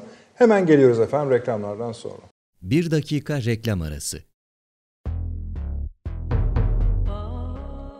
Romandan şiire, tarihten düşünceye, klasik metinlerden özel edisyon çalışmalara kadar geniş bir yelpaze ve yüksek bir frekanstan yayın yapmayı hedefleyen Ketebe, şimdiden Türk kültür hayatında kalıcı ve önemli bir yer edindi. Edebiyatımızın seçkin eserlerine, genç kalemlere, tarihimizin engin zenginliğine, dünya edebiyatının hem güncel hem de klasik metinlerine, düşünce dünyamızın, maneviyat tarihimizin köşe taşlarına ve gün yüzüne çıkmamış değerlerine ev sahipliği yapmak, Ketebe'nin yayın politikasının omurgasını oluşturuyor.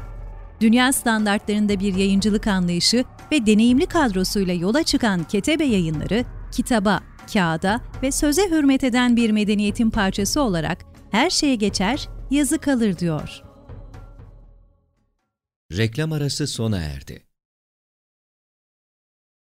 Döndük efendim akıl odası devam ediyor ve çok teşekkür ediyoruz. Eksik olmayınız. Hani o niyetle söylememiştik kapanırken ama e, teşekkürleriniz için, katkı, desteğiniz için, katkılarınız için minnettarız. Onu öyle söyleyelim. Paşam sözünüzü kestik. Evet. Lütfen hani Şimdi, devam e, edelim. Arkadaşlar paşam konuşurken haritayı da verin de evet. o durumu da biraz daha ee, son yani son durum diyelim. Evet. Moskova'daki iki günlük görüşmelerde biz esasla e, perde önünde Türkiye ile Rusya'yı gördük. Esasında e, Aslan Üçlüsü'nün e, ikisi diğer taraftaydı. Yani İran da diğer tarafta yer alıyordu. Yani Rusya'nın perde arkasında e, İran'da vardı. E, geçen programlarda da e, tartıştık. Yani şu anda esasında kuzeye doğru e, rejimin e, güçleri diyoruz ama bunun içinde dört farklı e, yapıdan oluşan, içinde Afganlı Şiilerin de yer aldığı ve o bölgeden gelen insanların oluşturduğu dört farklı e, yapıdan, Şiili milislerden bunun bütün her türlü giyimi, kuşamı, tesisatı, malzemesi İran tarafından karşılanıyor. Esasında şu an İran ordusunun e, Suriye'de mevcut kalan güçlerin de tüm maliyeti, masrafı ve lojistik desteği de İran tarafından karşılanıyor. Bu güçlere Rusya tarafından sadece resimleri de var. E, Rus generallerin e, Suriye e, ordusunun üst düzey subaylarına arazide talimat verirken çekilmiş görüntüleri var. Bu görüntülerde askeri danışmanlık şekilde ve harita üzerinde konuşuyorlar e, bu görüntülerde. Dolayısıyla bu görüntüler esasında yeni çekilmiş görüntüler ve bunların her biri faaliyetlerin tamamen Rusya'nın kontrolünde. Ancak Rusya'nın İran'a izin vermesiyle e, hareketlenen bir şey. Esasında biz şu anda rejimle görünüşte Esad duruyor ama biz doğrudan doğru İran'la çatışıyoruz burada. E, bu e, İran'la Rusya arasında da hani biraz evvel dedi ki Amerika ile Rusya arasında bir işbirliği, bir mutabakat olduğu konusunda. Çünkü Münih Gü- Güvenlik Konferansı'nda kapalı kapılar ardında Pompeo ile e, Lavrov'un görüşmeleri e, gerçekleşti. Ve ondan sonra da basına yönelik çok kapsamlı bir açıklama yapılmadı. Ve bu yüzden e, bu bölgedeki İran'a yönelik olan e, hamlede aynı gücü Amerika Birleşik Devletleri buna izin vererek bir şekilde anlaşmayla aynı gücün Fırat'ın doğusuna karşı kullanılmasını da engellemeye çalışacaktır. E, Çünkü o güç İran milisleri olduğu takdirde İsrail'in güvenliği ön plana çıkacağından İsrail'den bu unsurlar ne kadar uzakta olursa İsrail'in güvenliği de o şekilde sağlanacaktır. Bakın İsrail'in Şam'a ve Şam'ın doğusu Doğu Guta bölgesine yönelik hava harekatı İran milislerinin kuzeye doğru yönelmesiyle kesiliverdi. Sık sık hep duyardık İsrail Hava Kuvvetleri Şam güneyindeki İran milislerini vurdu, İran milislerini vurdu. E, fakat şu anda duymuyoruz. Niye? Milislerin hepsi dört Tugay halinde kuzeye gitti. Ve şu anda Se- Serakip bölgesi, Medot Karayolu'nda bu faaliyeti düzenleyenler Rus generallerin emir komutası ve yönlendirmesiyle birlikte rejimin e, arta kalan unsurları ve ağırlıklı olarak da daha dinç ve takviye edilmiş İran milis güçleridir. E, Türkiye dediğim gibi şu anda bu e, arazide, bu sahada eğer çatışacaksa evet biz Suriye ile çatışıyoruz ama karşımızda fiilen Rusya ve e, İran mutabakatını göreceğiz. Fırat'ın doğusunda nasıl bir e, Amerika-Rusya mutabakatı özellikle M4 Karayolu'nun kuzeyinde Fırat'ın doğusundaki 30 kilometrelik alanda varsa esasında geçen haftaki Kamışlı olayını da bunun üzerinden okumak lazım. Geçen hafta da bunu e, belirtmiştik. E, ve burada İran üzerinde de bir mutabakata varılmış olabilir. E, ve aynı zamanda burada başarılı olmak e, Süleymani'nin öldürülmesinden sonra İran için son, son şanstır. Yani çünkü İran e, hatta bir takım verilere göre buradaki unsurları e, Lübnan'dan getirdiği Hizbullah unsurlarıyla takviye ettiği bilgileri var. Yani İran burada kendisine bu maksatta verilen göreve ve üstlendiği bu faaliyeti mutlaka başarmak istiyor. Başarmak da Türkiye'nin bu bölgeden tamamen uzaklaştırılmasıdır. Ve geri kalanda daha evvel Rusya'ya nasıl paylar Suriye rejim tarafından verilmişse daha evvelden yapılan anlaşmalarla İran'da Suriye üzerinde kendi payını e, burada Yani istekliyor. neredeyse insanın şu soruyu soracağı yani Süleymani'nin Amerika tarafından öldürülmesinin sebepleriyle ama yani hedeflerinden biri de bu idi. Yani Suriye'de İdlib'de Evet. üçlü ayağı yani. Astana Soçi'yi parçalama. parçalamak. Yani bunda da zaten e, bu aşamada başarılı olduğunu görüyoruz. E, ve dolayısıyla e, bunu da nereden anlıyoruz esasında? Bakın Rusya şu anda biz Türkiye F-16 bu bölgelerde uçuramıyoruz. Çünkü Rusya'nın hava sahası var. Ama aynı Rusya İran rejim askerleri burada olmasına rağmen milisler diyoruz ama e, İran askerleri diyelim. Burada olmasına rağmen hava sahası kontrolü var. İran'a karşı uygulamıyor. Ama aynı e, Rusya Şam ve Doğu Guta bölgesinde e, İsrail uçaklarına karşı aynı hava sahası kontrolü uygulamadı. Serbestçe vurmalarına izin verdi. Kuzeye doğru çünkü onu zorladı. Dedi yani burada değil bu dediklerimi yaptığın takdirde sana burada ilerleme izni veririm dedi. Çünkü son zamanda İran-Rusya ilişkileri çok ciddi şekilde gerilmişti bu bölgede. Ee, daha evvel dedim ya Laskiye üzerinde Esad'ın e, Tahran'la yaptığı bir anlaşma vardı. Fakat geldi Putin e, o anlaşmaya rağmen yok kabul etti ve Laskiye e, geldi ben onu tanımıyorum dedi ve Esad kendisine daha küçük bir liman verdi. Bunu da İran kabul etmedi. Normalde anlaşma 1 Ocak 2021'de Laskiye'de şu anda İran'ın olması gerekiyordu. Ve dolayısıyla burada da Üzerine İran attı Ruslar. Evet, e, İran'la Rusya arasında bir mutabakat e, var. E, aynı zamanda İran'ın e, Şia e, konseptini bu bölgeye yaymasında da burada elde edeceği başarı Süleymani'den sonra Yemen'deki Husilere, e, işte Lübnan'daki Hizbullah unsurlarına ve diğer bütün Şiilikle ilgili mücadele eden tüm unsurlara da bir mesaj olacaktır. O yüzden İran bu fır, eline geçen bu fırsattan ve Rusya'nın da kendisini desteklemesiyle ve kendisine e, yön vermesiyle birlikte e, bu harekatı en çok rejimden ziyade İran'ın talep ederek istediğini düşünüyorum. Peki Türkiye'nin yapması gereken nedir? E, burada e, Türkiye şu anki gözlem noktaları e, sürekli olarak o bölgede kalması hassasiyeti arttıracaktır. Milis unsurlarından veya diğer unsurlardan bir önce yapılan gibi provokasyonlara son derece açıktır ve bu unsurları e, herhangi bir olay olduğunda sadece ateşle siz destekleyebilirsiniz. Karadan hızlı bir şekilde taarruz etmeniz halinde veya destek sağlamanız halinde kaçınılmaz olarak karşımızda Rusya, İran'la birlikte bir sıcak savaşa girme riskimiz çok kuvvetli olacaktır. Yapılması gereken en güneydeki gözlem noktalarını kademeli birleştirerek, hepsini birden çekme değil. 12 mesela en güneyde olanla bir öncekini birleştirmek. Dolayısıyla daha güçlü bir yapı oluşturarak kuzeye karşı kritik olan noktalara belki bunları taşıyabilmek şeklinde bir e, görüş olabilir. Şu anki şu an Ankara'nın duruşu bu değil. Değil. Evet değil. Ama gözlem noktaları o bölgede bizim herhangi bir şekilde müdahale etmemiz sadece topçu atışıyla e, 50-60 veya 100 kişinin etkisiz hale getirilmesiyle bu iş çözümlenemez. Bu bölge piyadenin dediği gibi ayağın basmadan asla piyadenin ayağı gidip oradaki gözlem noktasındaki unsurlarla bir araya birleşme sağlanmadan Türkiye bu hedefine uğraşamaz. Yani Türkiye şu anki mevcut e, durum Bu çerçevesinde Irak belki bu hedefe müsaittir. Tabii bu şu anda yığılan bu harekatı yapmak için yeterlidir. Ben bir şey sorabilir miyim paşam? Ben merak ettiğim bir şey var. Rusya hava sahasını kapatıyor. İzin Evet. verir misiniz? Tabii estağfurullah ne demek? E, hava sahasını kapatıyor.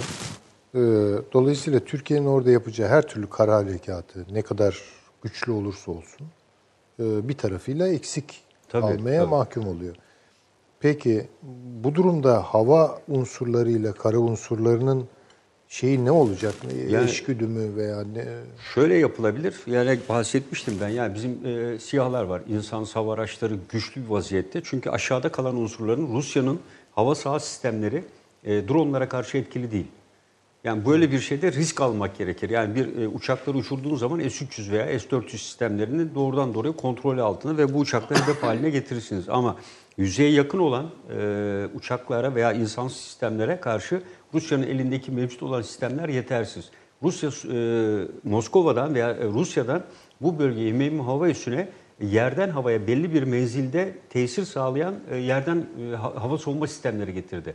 Yani onlar da S-400'lerin ve S-300'lerin belirli bir bölgeden, limitten altta drone saldırılarına karşı e, etki sağlayamadığını gördüler. Himeyim hava üssüne düzenlenen saldırıda. Bunun üzerine yeni sistemler getirdiler. Türkiye'nin elinde de zaten e, Korkut ve benzeri sistemler var. Hava savunma sistemleri var. E, Eğer Türkiye bu harekatı yapacaksa bunun hava sahasını e, kontrol edecek olan e, burada SİHA'lar olacaktır. Onun dışındakileri kullanması elimizdeki mevcut olan e, Paşam F-16'ları da- mikrofonunuzu takarsanız o kaymış aşağıya. Onu bir- Evet. Siz devam konuşmaya devam edin. Yetir- duyar. Getirmemize e, yol açacaktır. E, o yüzden bir de harekat e, son derece arazi Ben- düz ben olduğu takayım, için ben takayım, ben e, arazi burada e, düz olduğu için zırhlı birlikleri zaten çokça yığdık biz buraya. E, ara, e, arazi de ve mevsim itibariyle bunların kullanılmasına son derece elverişli. E, çok hızlı ve e, aniden gelişici bir taarruz harekatıyla e, karşımızdaki unsurların ciddi bir zırhlı birliği yok, e, zırhlı unsurları yok. E, elindeki silah sistemleri de e, burada e, İran'ın e, muharip unsurları var, zırhlı muharebe araçları var ama tank gibi e, güçten yoksunlar. E, dolayısıyla hızlı bir tank atışı ve üstün bir ateş gücüyle bu hedeflerle birleşme sağlanabilir. Ancak birleştikten sonra esas sorun Tutulmak. bunların korunmasıdır, tutulmasıdır. İşte esas zorluk buradadır. Yani harekatın ikinci Yani bir aşamasını bu yaparsınız. Hava meselesi ilk konuşulduğunda Evet. biliyorsunuz Türkiye Sayın Cumhurbaşkanı demişti hatta karadan ve havadan dedi. Yani Evet, o- o tabiri kullan. kullandı. İşte havadan derken yani siyahların Artık uçması da yani havadandır. bu, yani e, Rus hava kuvvetleriyle çatışmayı da göze alarak Tabii. olur.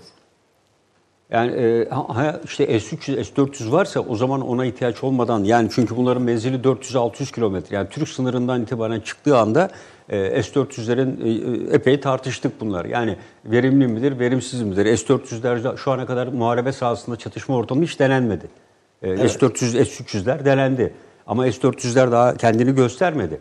Yani e, üstünlükleri veya zayıf tarafların neler olduğu ortaya çıkmadı. Belki Türkiye kendisindeki bu sistemden de bilerek Rusya'nın elindeki bu sistemlerin zayıf taraflarını teknik olarak öğrenmiş ve buna yönelik de hava harekatı veya benzeri sistemleri kullanabilir de. Planlamaları da buna yönelik de yapabilir. Çünkü elimizde önemli bir avantaj var S-400'lerimizde. Ama herhalde şunu kabul etmek lazım komutan.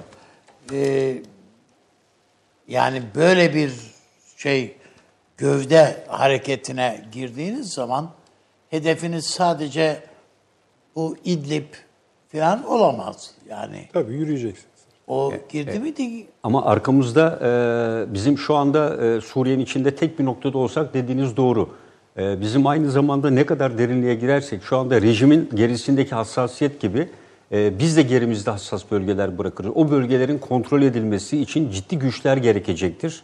E, onları sağlayamayız yani bu Hayır, aşamada. Yani sağlarız ya da sağlayamayız. Onu bilmiyorum ama bizim şu noktadan sonra Esad'ın canını yakacak bir şeye ancak E, Canını yakacak şey elindeki olan en güçlü o- muharip birliği burada neredeyse onu etkisiz hale getirecek ve yok edecek veya zırhlı birliği varsa o birliktir. Yani bunda harekatın komutanın e, elinde bir güç yok ki adamın. işte hayır ama e, şimdi e, onun gövde gösterisi yaparken elindeki gücü veya Halep'i kuşatmaktır. Yani bu e, Halep'i tamamen o havalimanını uçuşları başlattığı bölgeyi ama anladım da orada bir de yerel halk var. E, ama öbür tarafa gittiğiniz zaman da aynı sorunlar çıkacak. Onu ifade etmek istiyorum. Yani sizin yerinizde bıraktığınız her bir yerleşim birimi veya orada elinden silahı bırakmış kimin ne olduğunu bilmediğimiz için e, bizim askerlerimize karşı vurkaç e, tarzı eylemlere özellikle İran e, Şii Evet, milisleri öyle. bu konuda çok iyi e, bu konuda eğitim almışlar ve çoğu savaş tecrübesine sahip, çatışma tecrübesine. Derinliğimiz arttıkça yerimizde hassasiyetimiz artacaktır ve o, o bölgeleri kontrol etme imkanımız da güçleşecektir. Aynı zamanda e, Afrin, Fırat'ın doğusu gibi, Barış Pınarı Harekat Bölgesi gibi, Cerablus gibi bölgelerde de PKK terör örgütü de kendisinin hareketlenmesi için fırsat alanı yaratabilecektir.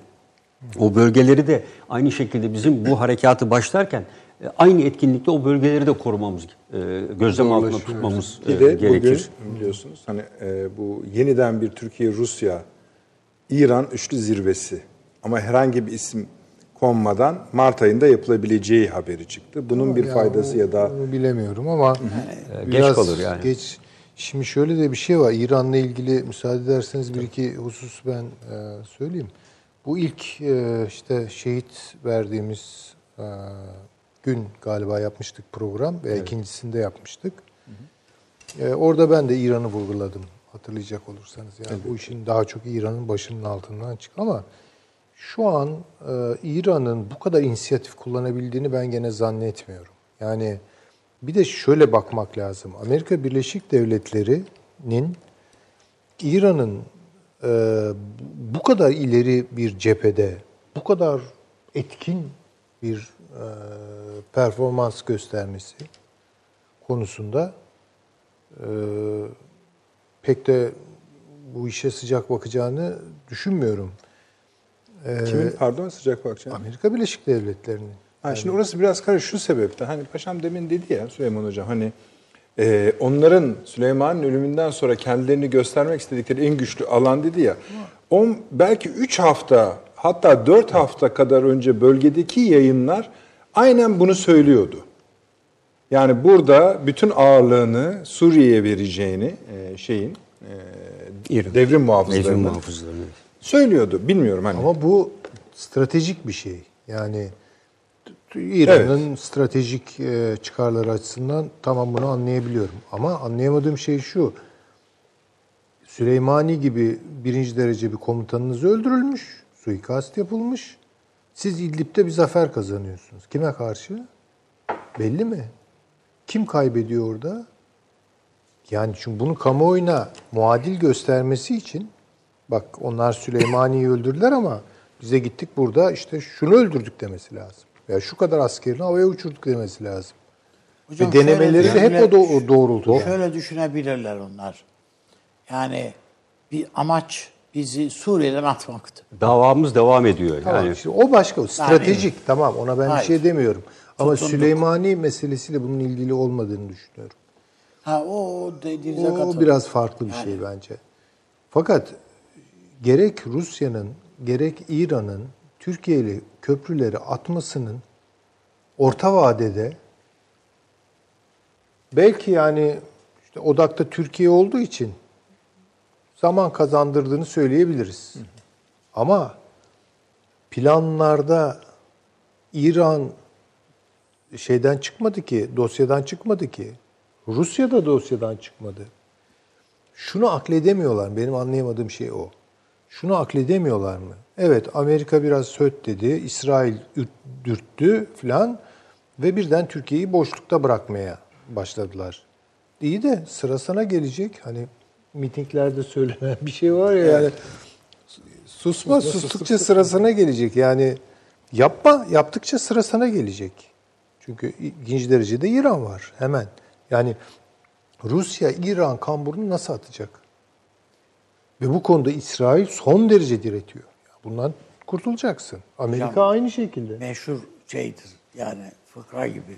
Ama ormanda aslan ve ayı neyse işte bu sığırlar var orada filan. Diyor ki böyle her gün gelip de böyle bir saldırmak, onu bunu yaralamak, onu parçalamak, öbürünü ısırmak filan yerine diyor ki içinizden bir tanesini seçin bana verin. En yaşlısı bir sarı öküz. Onu veriyorlar. İyi tamam ne yapalım? İyi tamam dediler. Diyorlar kurtulduk. Bir süre sonra kaplan, aslan neyse ayı tekrar geliyor. Diyor ki ya tamam da yani bir tane daha lazım. Yetmedi yani bir tane daha. İşte o hastaydı, öbürü ustaydı, şuydu buydu. Birisini daha seçip veriyorlar. Böyle böyle en sonunda birilerine iki tane kalıyor. Birilerine gelince tekrardan adam diyor ki yani sığır diyor ki o sarı öküzü vermeyecektik. Evet, tabii. Ama Doğru işte bir şey o yani. iş işten geçmiş oluyor tabii. Çünkü o üçlü direnebildiği nispette Amerikan siyasetleri, İsrail siyasetleri burada etkili olamaz. Ama çözüldüğü an istediklerini elde ederler. Ve istediklerini Bakmayın elde esasında etmekle... sıra Rusya'ya da gelir. Ha, işte onu diyorum, Geliyor. istediklerini elde Yani etmekle kalmazlar. Programın başında söylediğiniz şey o bakımdan doğru bir Tabii tespit. tabii yani bu çünkü İran'a gelecek sıra. Hadi diyelim ki Türkiye hani tamamen teorik konuşuyorum. Öyle bir şey olmayacak muhakkak ama tamam dedi ben çekiliyorum dedi mesela. Tamam peki. Ne yapacak? Ne olacak gelişmeler? Yani gelişmeler olacağı. Yani herkes baş başa kalacak. Hayır. Yani bir e, Fırat'ın doğusu öncelikli hale gelecek. İki onun üzerinden yeniden biz bir şey PYD baskısı yiyeceğiz. Ötesi Irak üzerinden İran'a doğru şey girecek. Kama girecek. Ve İran'a tekrar ediyorum burada belki üçüncü, beşinci ağır vuracaklar yani. Çok ağır vuracaklar. Tekrarlamanıza bile gerek yok. O kayıt altında bekliyoruz. Bekliyor. Ağır vuracaklar. Sonra Rusya'nın Rusya'ya gelecek sıra. Çünkü bu plan bütün bu yani kara hakimiyet teorisinin söylediği şey değil mi? Evet. Ee, Paşam. Kara hakimiyet teorisi. Avrasya'ya hakim olacak Amerika diyor. Makinde evet. Yani Gürcistan'ın NATO'ya girmesine Türkiye'nin direnmesi artık şu saatten sonra mümkün, mü? Mümkün mü? Yaşasın Kanal İstanbul bundan sonra zaten. Yani gibi. Hadi bakalım ne olacak? Ya Rusya bunları düşünmüyor mu? Yani Amerika'nın Rus Türkiye'yi Rus şeye bırak e, Rusya'nın Türkiye'yi Amerika'ya bırakmak gibi bir siyaset olamaz. Yani bu biz bütün göbek bağımızı oraya bıraktık demek. Öyle bir şey olamaz da ama şurası bir gerçek. Rusya oyunu kaybetmeye başladı. Kaybetmeye başladı işte onu diyorum. Tutunacağı yerde değil bugün Rusya. Bakma esasında Bence- Amerika'nın istediği oyunu Hah, oynuyor şu oynuyor. anda. Oynuyor. Çünkü üçlüyü Akdeniz'de dağıttıktan bile sonra oynuyor. Yani üçlüyü dağıttıktan sonra Rusya da tek başına direnemez. İran'la hiçbir şey Rusya'nın yapamaz. Akdeniz'de gücü yok zaten. Gücü yok Yani zaten Yok yani. yani. Bir tek bir krovizör Her var o da en eski gemisi. Her yerde Amerika'nın oyununu oynuyorlar bunlar. İşte bunu nasıl? Burada vodkayı mı fazla İran bile kaçırdılar? öyle. Evet. Yani onu açıklayamıyorsunuz değil mi? Ya evet bunu açıklayayım. Burada Tabii. ya vodka fazla kaçtı Kimse. Yani bunu nasıl görmüyorlar? ya bizim göremediğimiz başka Öyle onu bir şey. bilemem. Ha, Yani başka bir yerden bir pasta bekliyorsa yani Avrupa'dan falan bir şey ümit ediyorsa onu da vermeyecek. Hayır, Hayır, yok, yok, Avrupa'yı vermeyecek zaten. Baltığı başına yıkacak ben söyleyeyim bunları. Doğu Avrupa üzerinden baskılayacak Rusya'yı. Şimdi e, ve de o petrol Avrupa'nın da petrol konusundaki tekeli işte Rusya'nın tekel olması meselesi de sona erdiği an dikkat edin. İşte siz gündeme aldınız. Bağlantıyı ben kendime göre kurayım. Tabii, tabii, buyurun. geçeyim. Avrupa Birliği'nin Libya'da pozisyon alması Rusya'ya olan bağ- bağımlılığını sona erdirmek için adımdır. Ne yapacak Yani Rusya? Libya'yı da kaybediyor, Akdeniz'i kaybediyor. Yani Su yani Ama Şimdi gidişat şöyle- Ama şöyle Macron o. Yani Münih konferansında bu. şöyle bir ifade kullandı. Ee, bugüne kadar Rusya'ya yaptığımız yaptırımlar hiçbiri istenilen amacı sağlayamadı.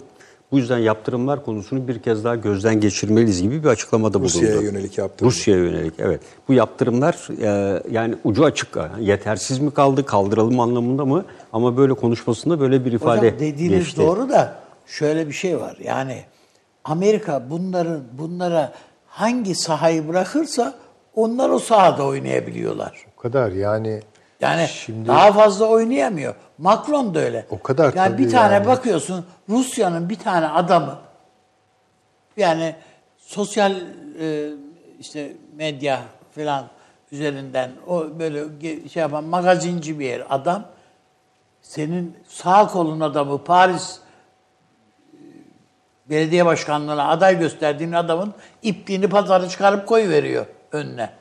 Ve sen orada çöküyorsun. Macron öyle. o son durumda. dakika vereyim abi müsaade Ha? edersen. Arkadaşlar siz de yazabilirsiniz seyircilerimiz için. Sayın Cumhurbaşkanı ile Donald Trump arasında bir görüşme gerçekleşti. Ee, telefon görüşmesinde İdlib konusunda e, Başkan Trump e, Cumhurbaşkanı Erdoğan ile beraber çalıştıklarını ve neler yapılabileceğini görüştüklerini açıklamış.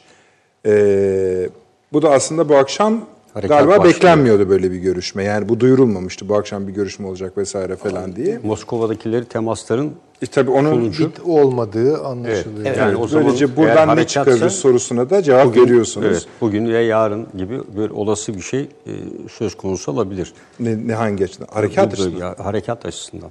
güzel. Çünkü e, bunda eğer böyle bir karar varsa ki şu an onu görülüyor. Bizim her bir gecikmemiz karşındaki güçlerin ele geçirdiği bölgeleri askeri harekat için en güç zordur. Tahkim, Tahkim etmeleridir. Yani bunları daha hazırlıksız bir pozisyona daha yerleşmeden etkisiz hale getireceksek e, o harekatın zamanlaması için bu anlar en uygundur. Tekrarlayalım. Dediğimiz gibi Cumhurbaşkanı Erdoğan'la Birleşik Devletler Başkanı Trump arasında bir görüşme gerçekleşti. İdlib üzerine efendim e, İdlib konuşuldu dedikten sonra bu masanın yorumu şu oldu. Bir, Moskova'daki anlaşmalarda bir yere ilerlenemiyor herhalde. İki, Herhalde değil. Yani Cumhurbaşkanı sözcüsü açıkladı zaten. tamam tamam ama, ama şu anda da yok demek o. Yani 5 saat öncesine Hani kadar. orada bir de da hani yok. liderler seviyesinde gerekirse görüşülür falan diyordu. Ha, o da demek bitti ki. Ha, bitti. tamam, bunlar olmaz. Yani öyle. O da bitti. Ee, ve paşamın dediği de bu bir harekatın da ilk işaretleri olabilir deniyor. Bunlar önemli efendim, önemli konular. Eğer tabii Türkiye bir harekat kararı alırsa bunu Amerika'yı hem bilgilendirmek hem de siyaset alanında hiç değilse yani askeri manada değil ama siyaset alanında desteğini almak Tabii. Yani onun için. için verdi. Şimdi son zamanlarda böyle Rusya'dan da tuhaf şeyler. Ben bir makale okudum geçenlerde. İzvestiya'dan aktarılıyor. Ee, ya bu Türk akımı da öyle çok karlı bir şey değilmiş falan gibi. Tabii işte bunlara baktığınız Yani zaman şimdi bazı şeyleri vermiyoruz biliyorsunuz. Programdan önce görüştük. Ama mesela yine bir Rus yayın organı Hava Türkiye'nin Korel e, değil mi? Hava sahası. Evet. O araçları kaydırdığını e, bölgeye hava savunması için vesaire vesaire söylüyor. Yani Oral yeni sistemleri bunlar var. Tamam canım onlar, onlar da kaydırıyor, bizimkiler de kaydırıyor zaten yani. Bizimkiler zaten kaydırmış. Eğer gücü Onların şey, aktarma hızı ve miktarı ile bizimki arasında bir fark var. aktif hale getirilmiş olsa S-400'leri de kaldıracağız oradan. tabii. E zaten e, Türkiye'de belki Ne- e, ne amaçla S-400'leri koyar yani oraya yoksa yani. ne E, için dolayısıyla yani? Abi tam yani neye bunlar. şaşıracaksın? Ya savaş çıkınca mı şaşıracaksın? Hayır, şa- çıkmazsa şaşırmak Ha, gerekiyor. ne şu şaşırt- anda. Evet. Şimdi bu bölgede şöyle bir unsur var. Yani biz her ne kadar NATO devreye girmesin falan de, diyoruz da e, İspanyolların Hatay sınırında, Hatay bölgesinde Var olan? Patriotlar var. Var. Patriot bataryası var. E, dolayısıyla burada e, esasında e, bunlar konusunda her ne kadar NATO'nun e, döndük Patriot'lara. e, tabii şu anda veya Türkiye öyle. S-400'ü belki de kurmuş olabilir Daha yani aktif, aktif. hale getirmiş değil, olabilir. evet. Bataryalar ve mühimmatı tabii, geldi. Tabii. Evet. Mühimmat geldi. Bunu Eskişehir ve ana merkez ve diğer birimlere hepsine gitti. Peki o Rus uçaklarına karşı etkili tabii. olabilecek mi? Tabii. Hocam zaten yani Anladığınız anda Onu da şimdi biliyorsunuz en büyük tartışma konularından biri oydu. Biliyorum ben de onu yani. Hayır, o, bu ilk tartışmalar yapılırken bu S-400'ler hatta yani adam kendisine gelmesini istemez. Ona göre de bir ayarını yapmıştır onun mealinde. Konuşmaları var ama şimdi hani öyle bir şey olmasın. Yok. Ayrı konu da belki Ama o da işte şöyle bir şey var. Yani mesela biz modifiye et- edene kadar o kadar emin değildik ama şimdi biliyoruz ki F-16'ları gene Amerika'nın kilitleme şansı yok. Yok, evet. Türkiye o ayarı yaptı yani ha, o şeyleri yaptı. Ha, o ara yaptıysa dediğiniz gibi boşa Bizim Bizim F- S4 kalkışları izleyemiyor. Mesela e, eskiden yapıyordu bunu. Kendi milli kripto algoritma sistemimizi geliştirdikten sonra F-16'ların havadaki uçuş ve seyir şeylerini ha, uydudan görüntülerle elbette takip edebilir yer radarlarıyla. O takip eder. Ama o Evet. özelliği gitti. E, radar üzerinde bütün izleriyle her şeyle takip edebiliyordu Amerika Birleşik Devletleri. Şimdi E, bu TÜBİTAK'la geliştirilen bir proje vardı. E, Milli Savunma? Bakanlığı'nın Or- or- ortak. Orta Doğu Evet. Teknik Üniversitesi falan Orta Doğu birçok uzmanlar çalıştı ve bu gerçekleştirildi. Yani bu alanda. Ama tabii S-400'ler daha yeni yani onun için. Evet, o kadar kısa şey zamanda olabilecek, yapabildiyse Çok öyle kısa sürede ona nüfuz edebilme imkanımız olmuş mudur onu bilmiyorum ama Ruslardan bunu almayı alana alırken herhalde tamamen bağımsız bir kullanım Tabii, tabii. garantisini Öyle şey yapmışızdır yani. Diye Diyor- düşünüyorum. ben. düşünüyorsunuz. Peki. Ama şu tabloya baktığımızda Türkiye'nin bir amacı neydi yani bu Suriye işinde? Güneyimizden bizim bir terör. Bu PYD, PKK meselesiydi. Biz bunların can damarında bir çözüm ortaya siyaset üretmek dediğimiz yani bir- birçok zaman söyledik. Burada da konuştuk vesilelerle. Bizim çok süratle hem Suriye'de hem Irak'ta siyaset üretmeye ihtiyacımız var. Bölgeye dönük olarak. Yani önce ateş edip sonra nişan alma şansımız yok yani bizim. Evet. Yani şu anda da esaslı siyasette de şu aşamada tabii son söz e, güçler arası söylenecek. Yani şu anda o aşamaya geldik. Siyasette dış politikanın bütün enstrümanlarının tıkandığı e, bir noktadayız. Clausewitz'in dediği. Ka- tabii. Yani burada oyun teorilerinden biri devreye girecek ama Evet. mahkumun ikilemi mi olur artık? E, e, Şey diyor ki hocam bu Viyana seferi sırasında Kara Mustafa Paşa şey yerel komutanlara bir yemek vermiş çadırında. Eflak Bey'i de var orada. O da katılıyor çünkü sefere. İşte Kara Mustafa Paşa kibirli bir adamdı. O ayrı mesele. Ee,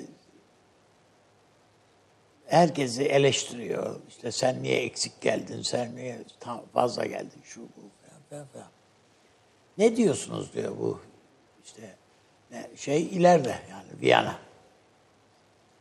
Eflak Bey'i herkes tabii mübarek olsun paşam falan diyor da Eflak Bey diyor ki paşam diyor e, sofrada önünüze bir leğen pilav gelse diyor ta göbeğinden başlarsınız yemeğe diyor.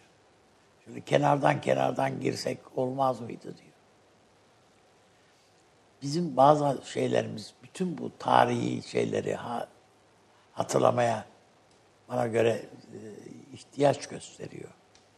Yani e, Şam'da Emevi Camii'nde namaz kılacağız diye girdik yani oraya. Pilava göbekten. Göbekten daldık yani. Yani onun için sıkıntılı bir şey. Ya girdim mi tam Ha, bir, tabii. bir şey yapabilir. Yani programın birinci bölümünde bütün kapıları kapadığınız için şimdi nasıl çıkacağınız bu. Hayır, nasıl çıkacağımızı biz biliyoruz ama ya sö- söyler komutanım bilir. Komutan söyler. Ama şu var. Kardeşim siyaset yine döneceğiz, dolaşacağız yine siyaset. Yani Türkiye'yi e, iki arada, arada bir derede bırakacak laflar edemeyiz biz. Yani o sorumsuzluk olur bizim açımızdan da. Bu yayın kuruluşu nihayetinde burası Tabii. bunun açısından da e, altından kalkılamaz şeyler olur. Ama Türkiye'nin siyaset üretmesi gereğini asker yani ordu da bir siyasettir yani zaten. Yani illa e, diplomasi manasında değil ama a- asker dediğin de esas siyaset üretir yani. Ama bunu üretmek lazım işte. Sadece iş Cumhurbaşkanlığının grup konuşmalarına veya onun şeylerine değil, ona, ona yardımcı olacak şeyler. Seçenekler üretmeye ve elini rahatlatmaya ihtiyacımız var. Programın başlangıcında veya siyaset değerlendirmesinde e, hocam söyledi. Yani bütün bu oyunların, bu darbe söylentileri, şunlar bunlar, hepsinin bunların hepsinin amacı ne? Belki de bu Suriye oyununda dahi var bu iş. Hepsinin amacı ne? Bu Erdoğan'dan kurtulmak. İstedikleri bu. Bu çana, bu şeye e, güç katmak istiyorsa herkes yapabilir ya istediğini. Bu değirmene su taşımak gayet kolay bir şey. Yani. Ama yok buna direnmek ise Türkiye'de milli irade diyorsak, şunu diyorsak, bunu diyorsak bunun tam tersi siyaset üretmek ve o seçenekleri üretmek. Bunun bir kısmı askeriyenin işi, bir kısmı kalemiyenin işi. Evet. Sonra da tıbbiye iş geliyor yani işte. Evet. Öyle. Peki. Bakalım görelim. Dediğimiz gibi efendim sağdan da haberler gelmeye devam ediyor. Ama buraya kadarki öykü. Bunu bu faslı kapatalım mı? Evet. Ee, bir çok az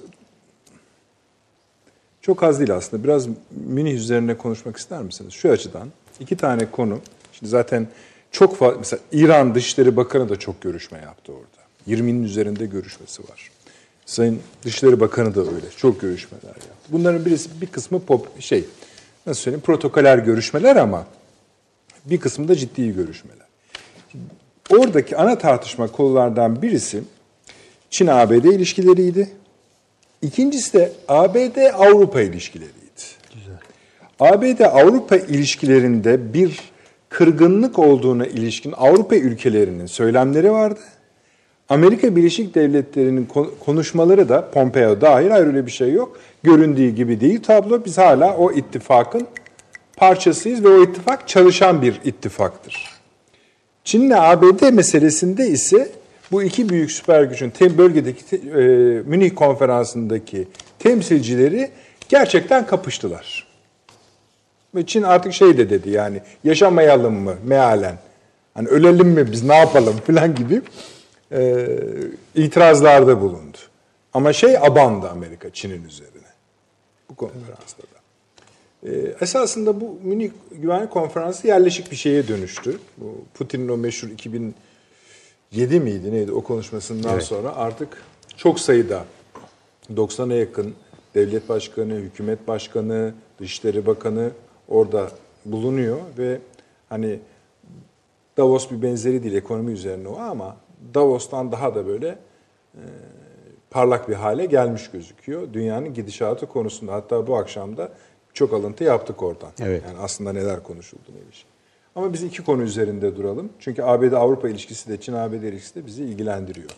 Onun içinde eğer Sayın Kemal Kılıçdaroğlu'nun Hindistan ziyaretine yönelik eleştiriyi e, pardon Hindistan Pakistan. vakasına Pakistan ziyareti üzerinden Ben Hindistan Hindistan'a. Evet. Evet. E, değerlendirirseniz sevinirim. Yine sizden başlayalım abi. Şimdi e, tabii şunu herhalde göz ardı edemeyiz. Yani e, Türkiye'nin bu uluslararası ilişkilerdeki ziyaretleri öyle bugünden yarına planlanmıyor. Yani muhtemelen bunların hepsi 6 ay öncesinden falan hazırlıkları yapılıyor. Bir takım anlaşma metinleri kaleme alınıyor, mutabakatlar sağlanıyor falan. Onun için hani Pakistan'la Türkiye Türkiye'nin şu andaki ziyaret tablosu, aynı şey Afrika ziyareti içinde Sayın Cumhurbaşkanımız öyle. Bunların hepsi birbiriyle alakası olmayan, Türkiye'deki gelişmelerle veya İdlib'deki gelişmelerle alakası olmayan hususlar.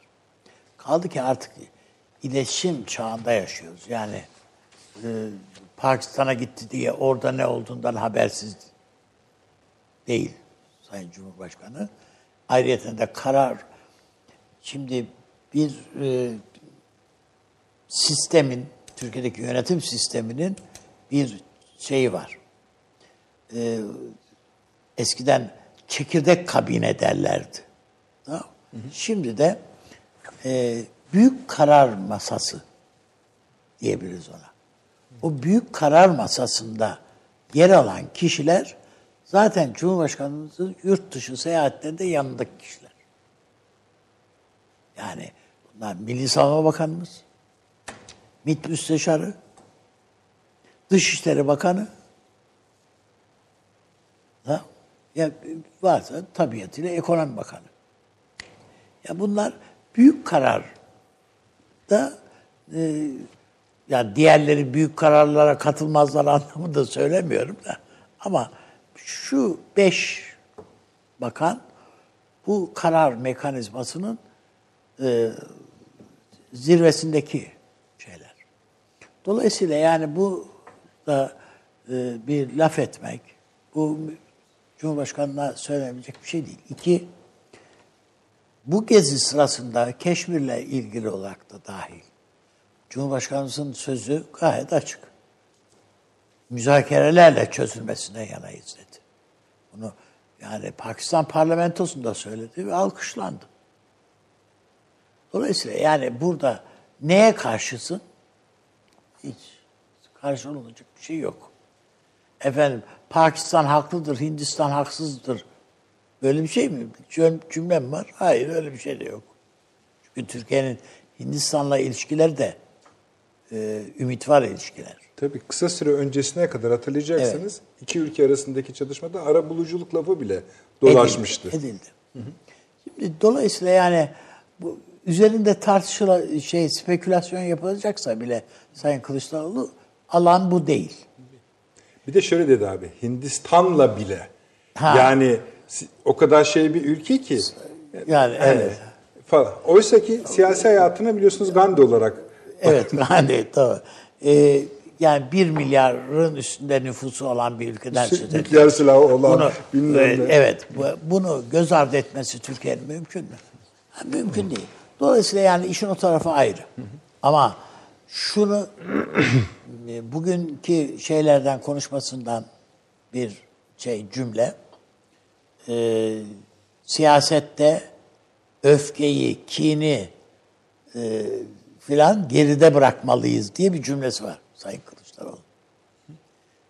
Daha da detaylandırıyor hatta öfke, kin, işte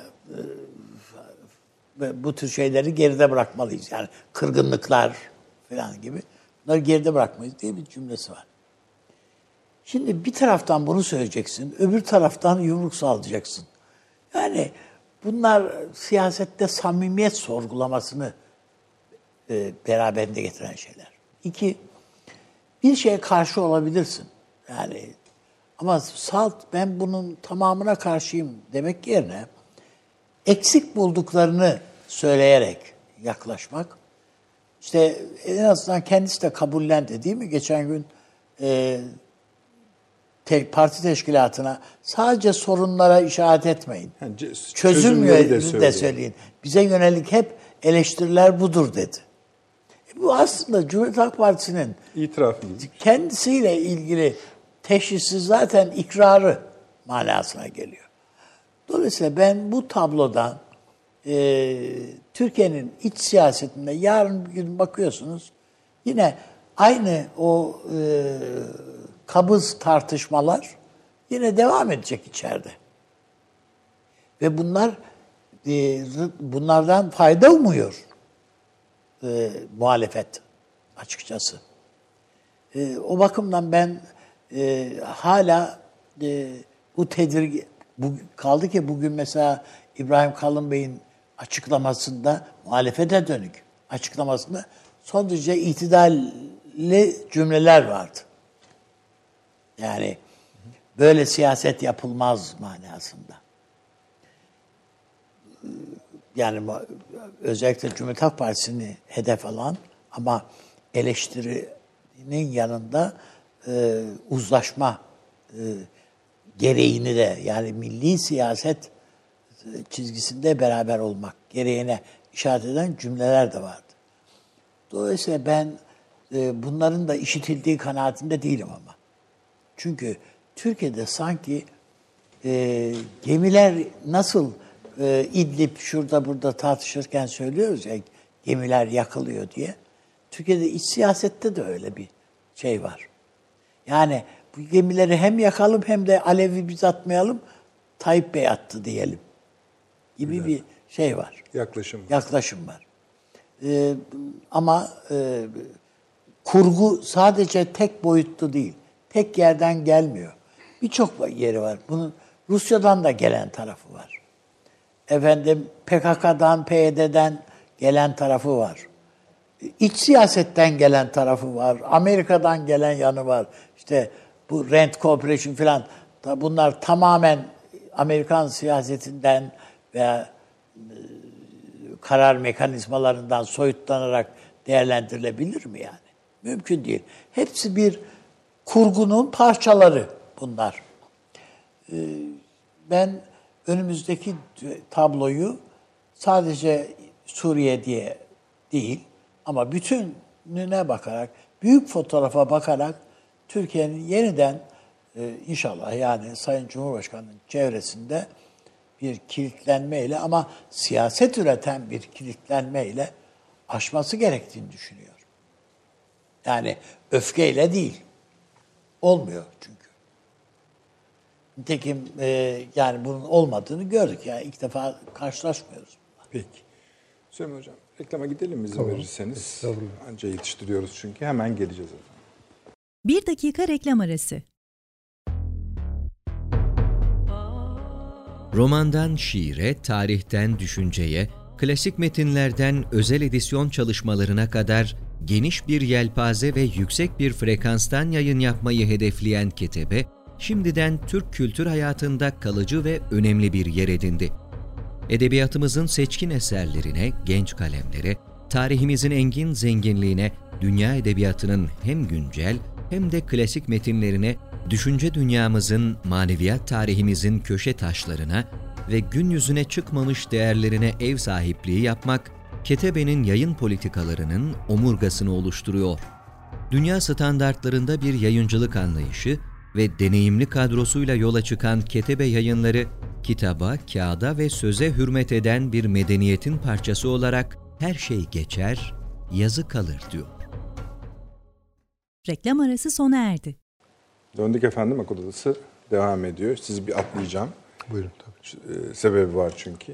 Şimdi paşam, Avni abinin dediği bölüm siyasi, bizim siyasetimizle de birleşik bir bölüm. Hindistan üzerinde, Pakistan üzerinde. Münih'teki başlıkları bize biraz sayar mısınız? Evet. Yani ne çıkarmalıyız?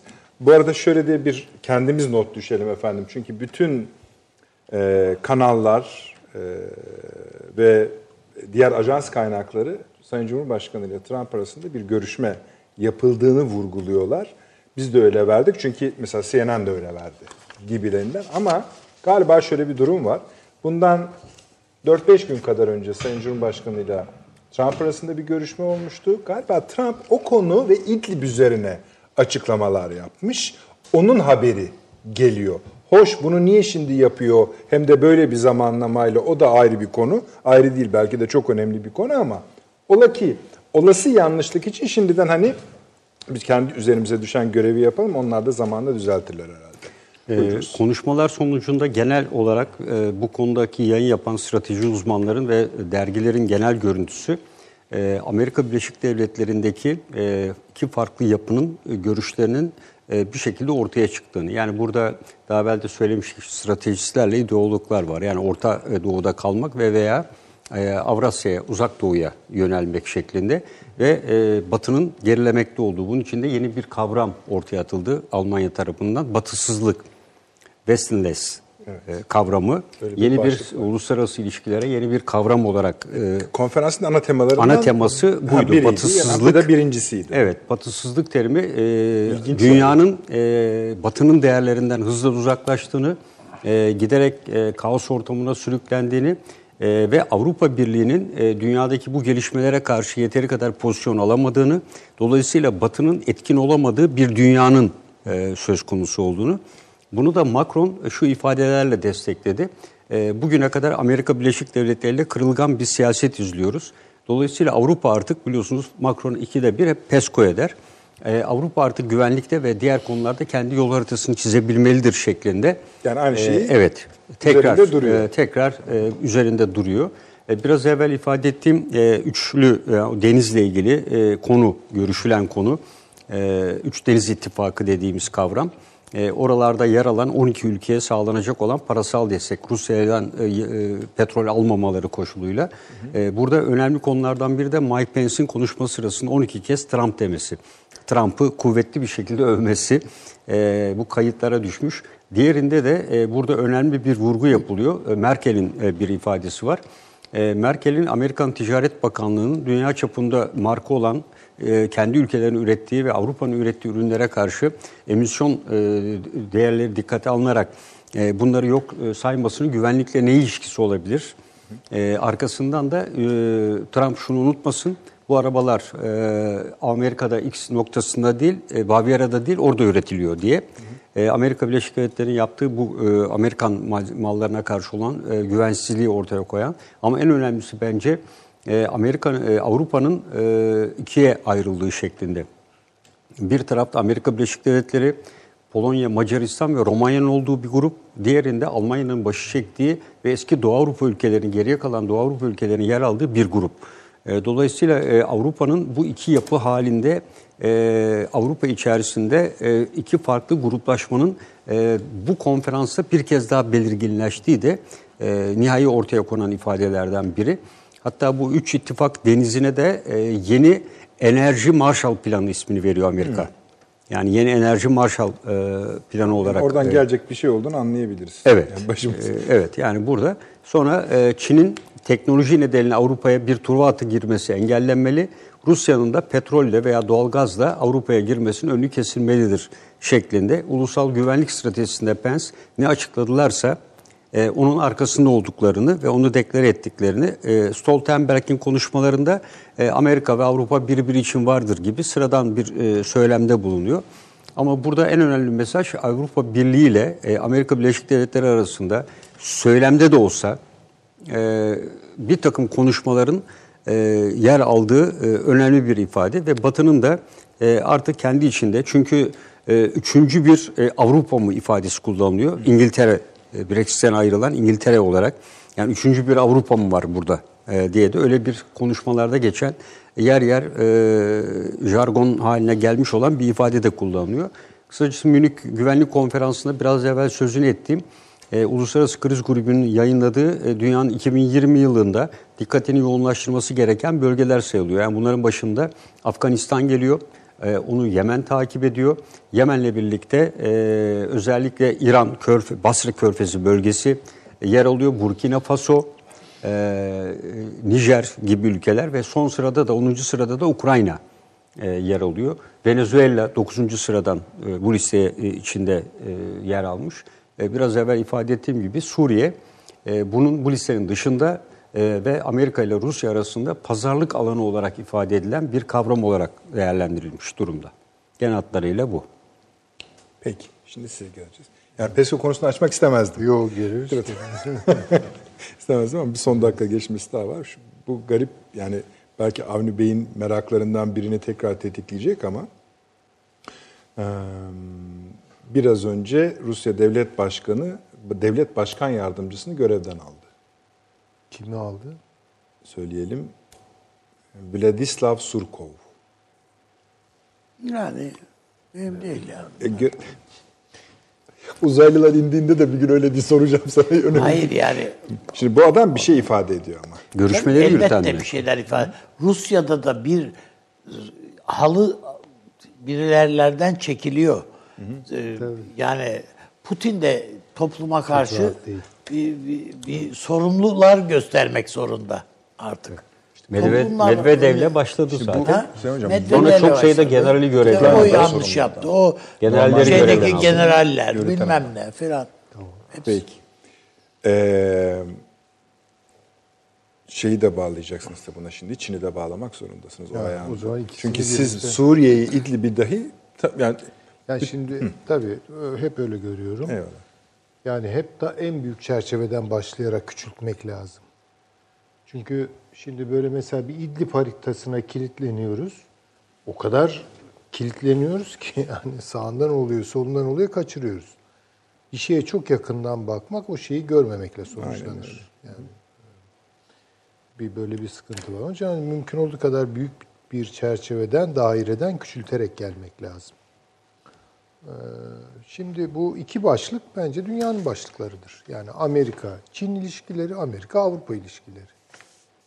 Hadi bakın Amerika-Rusya ilişkileri demiyoruz. Soğuk savaş olsa ezbere bunu söyleyeceğiz. Artık öyle bir şey yok. Amerika, Avrupa ilişkileri, Amerika, Çin ilişkileri. İkisi de krizli. Ve Amerika Birleşik Devletleri'nin doğrultusu ağırlıklı olarak bu iki e, gücü çökertmeye ve dağıtmaya dayalı. Bunu söyleyebilirim. Yani dağılmış bir Avrupa istiyorlar. İstikrarsız bir Avrupa istiyorlar. Güçten düşürülmüş ve kendi yöresel alanına, coğrafyasına mahkum edilmiş, kendi yağında kavrulan bir Çin istiyorlar. Bunu söyleyebilirim. Şimdi bu aynı zamanda ekonomik dile aktarırsak şu. Avrupa sermayesi ya da sermayenin Avrupa ayağıyla sermayenin Asya ayağının yeniden Amerika Birleşik Devletleri'nde toplanmasını istiyorlar. Ne güzel hayat bu ya. Tabii bunu istiyorlar. Çünkü diyeceksiniz ki bu çok aşırı bir e, talep. Hayır. Bu Amerika Birleşik Devletleri için trajik olmazsa olmaz bir şey. Aksi takdirde Amerika olmayacak. Bunun şimdi negatifini alalım. İç savaş yaşayan bir Amerika çıkar karşımıza. Ya bol bol filmini yapabilirler. Ya zaten yapıyorlar da yani bu tarz filmler. Böyle işte acayip açık hava hapishaneleri inşa eden, eyaletlerin birbirine girdiği, tamamen böyle bir kaos Amerikası. Çünkü Amerika Birleşik Devletleri'nde Amerikan rüyası veya Amerikan birliğini oluşturan fikirler ve duygular demetini güzelleyerek Amerika'yı anlayamayız. Bu bir güzelleme olur. Amerika'da bu kadar farklı kökleri olan ve hala da köklerinde ısrarlı olan insanları bir arada tutan sadece ekonomik ortaklıktır. Bu ortaklık çökerse Amerika'da çöker. Yani bu. Onun için bunu yapmak zorundalar. Sadece Yani- yap, yani bunu güç kullanarak da yaparlar. Zor ne gerekiyorsa yapacaklar Evet. bunu. Yani bu, bu artık onlar için e, hayati bir mesele haline geldi. Ee, bunun altından kalkacaklar, kalkmayacak. Bunun siyaseten veya askeri olarak hesabını yapmakla ekonomik olarak hesabını yapmak aynı şey değil. Çünkü Amerika Birleşik Devletleri'nin ekonomisi çok kırılganlaşıyor. Yani bu parayı bulmak zorundalar, bu parayı toplamak zorundalar. Yeniden bütün e, şeyleri, üretim gücünü, kaçmış üretim gücünü onu kuşatan, donatan sermaye ile birlikte yeniden Amerika'ya konuşlandırmak zorundalar. Başka yolu yok. Son söylediğiniz en zoru. Çok zor. Yani onların da yani bu işi böyle tabancayla topla filan rahat hallediyor. Yani o kadar basit değil. Ama planların içerisinde yani Avrupa'yı ve Asya'yı çökertme planları var. Yani bu arada Rusya gümbürtüye gidiyor tabii. Yani Rusya hiç.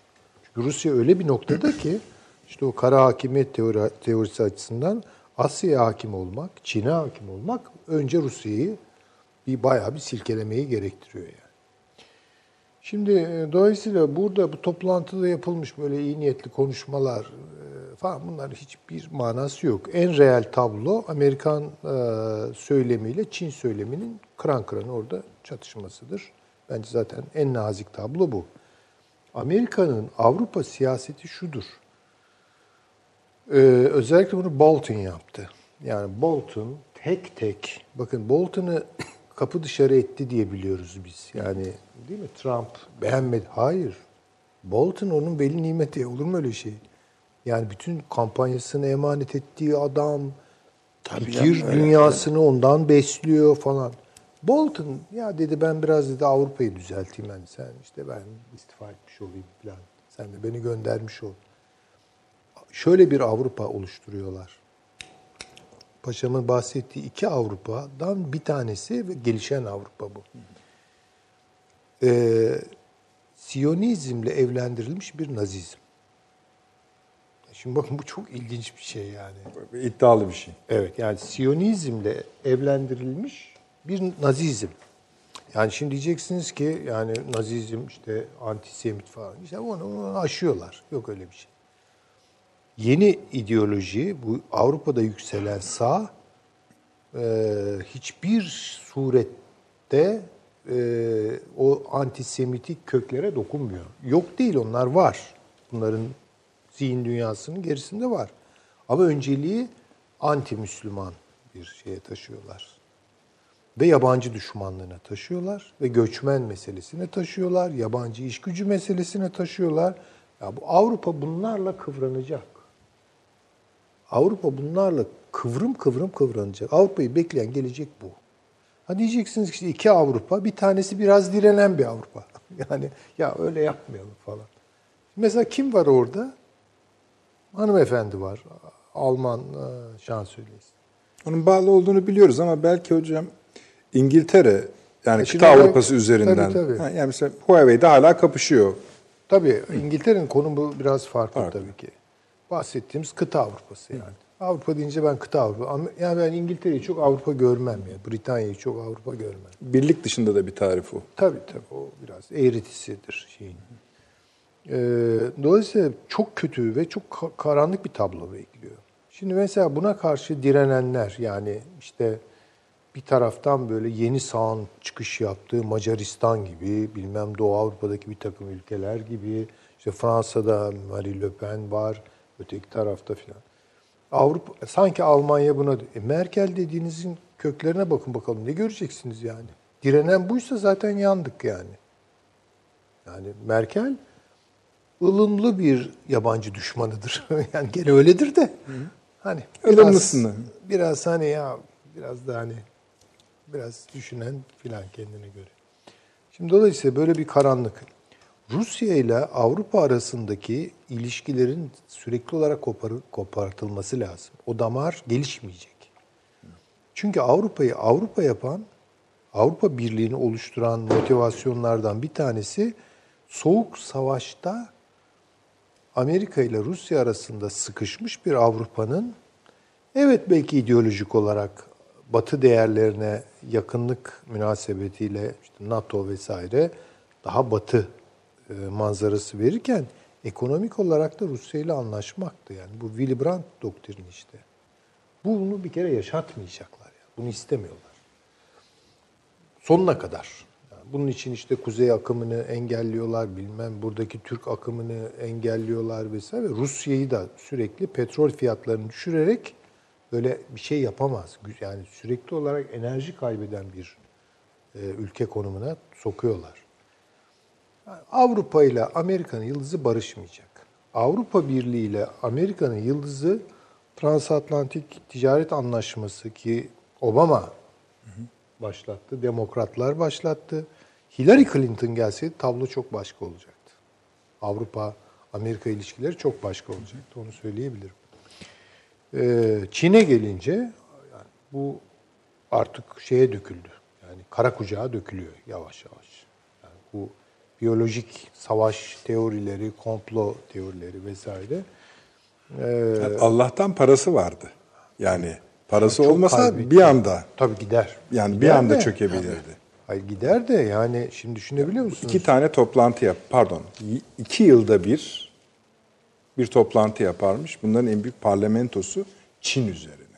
2000 tane üyeleri falan. O meşhur sahneyi e, Çin salon- Komünist Partisi'nin kongresi evet. yani. Yapamıyorlar. Yapamıyorlar tabii. Yapamıyor. Yani bu virüs yüzünden. Tabii tabii. tabii. Yani Ciddi. virüsün etkileri yüzünden. Ciddi yani Politik bu etkileri 1918'deki grip salgınına falan giderse zaten o çok başka bir dünyayı konuşacağız yani.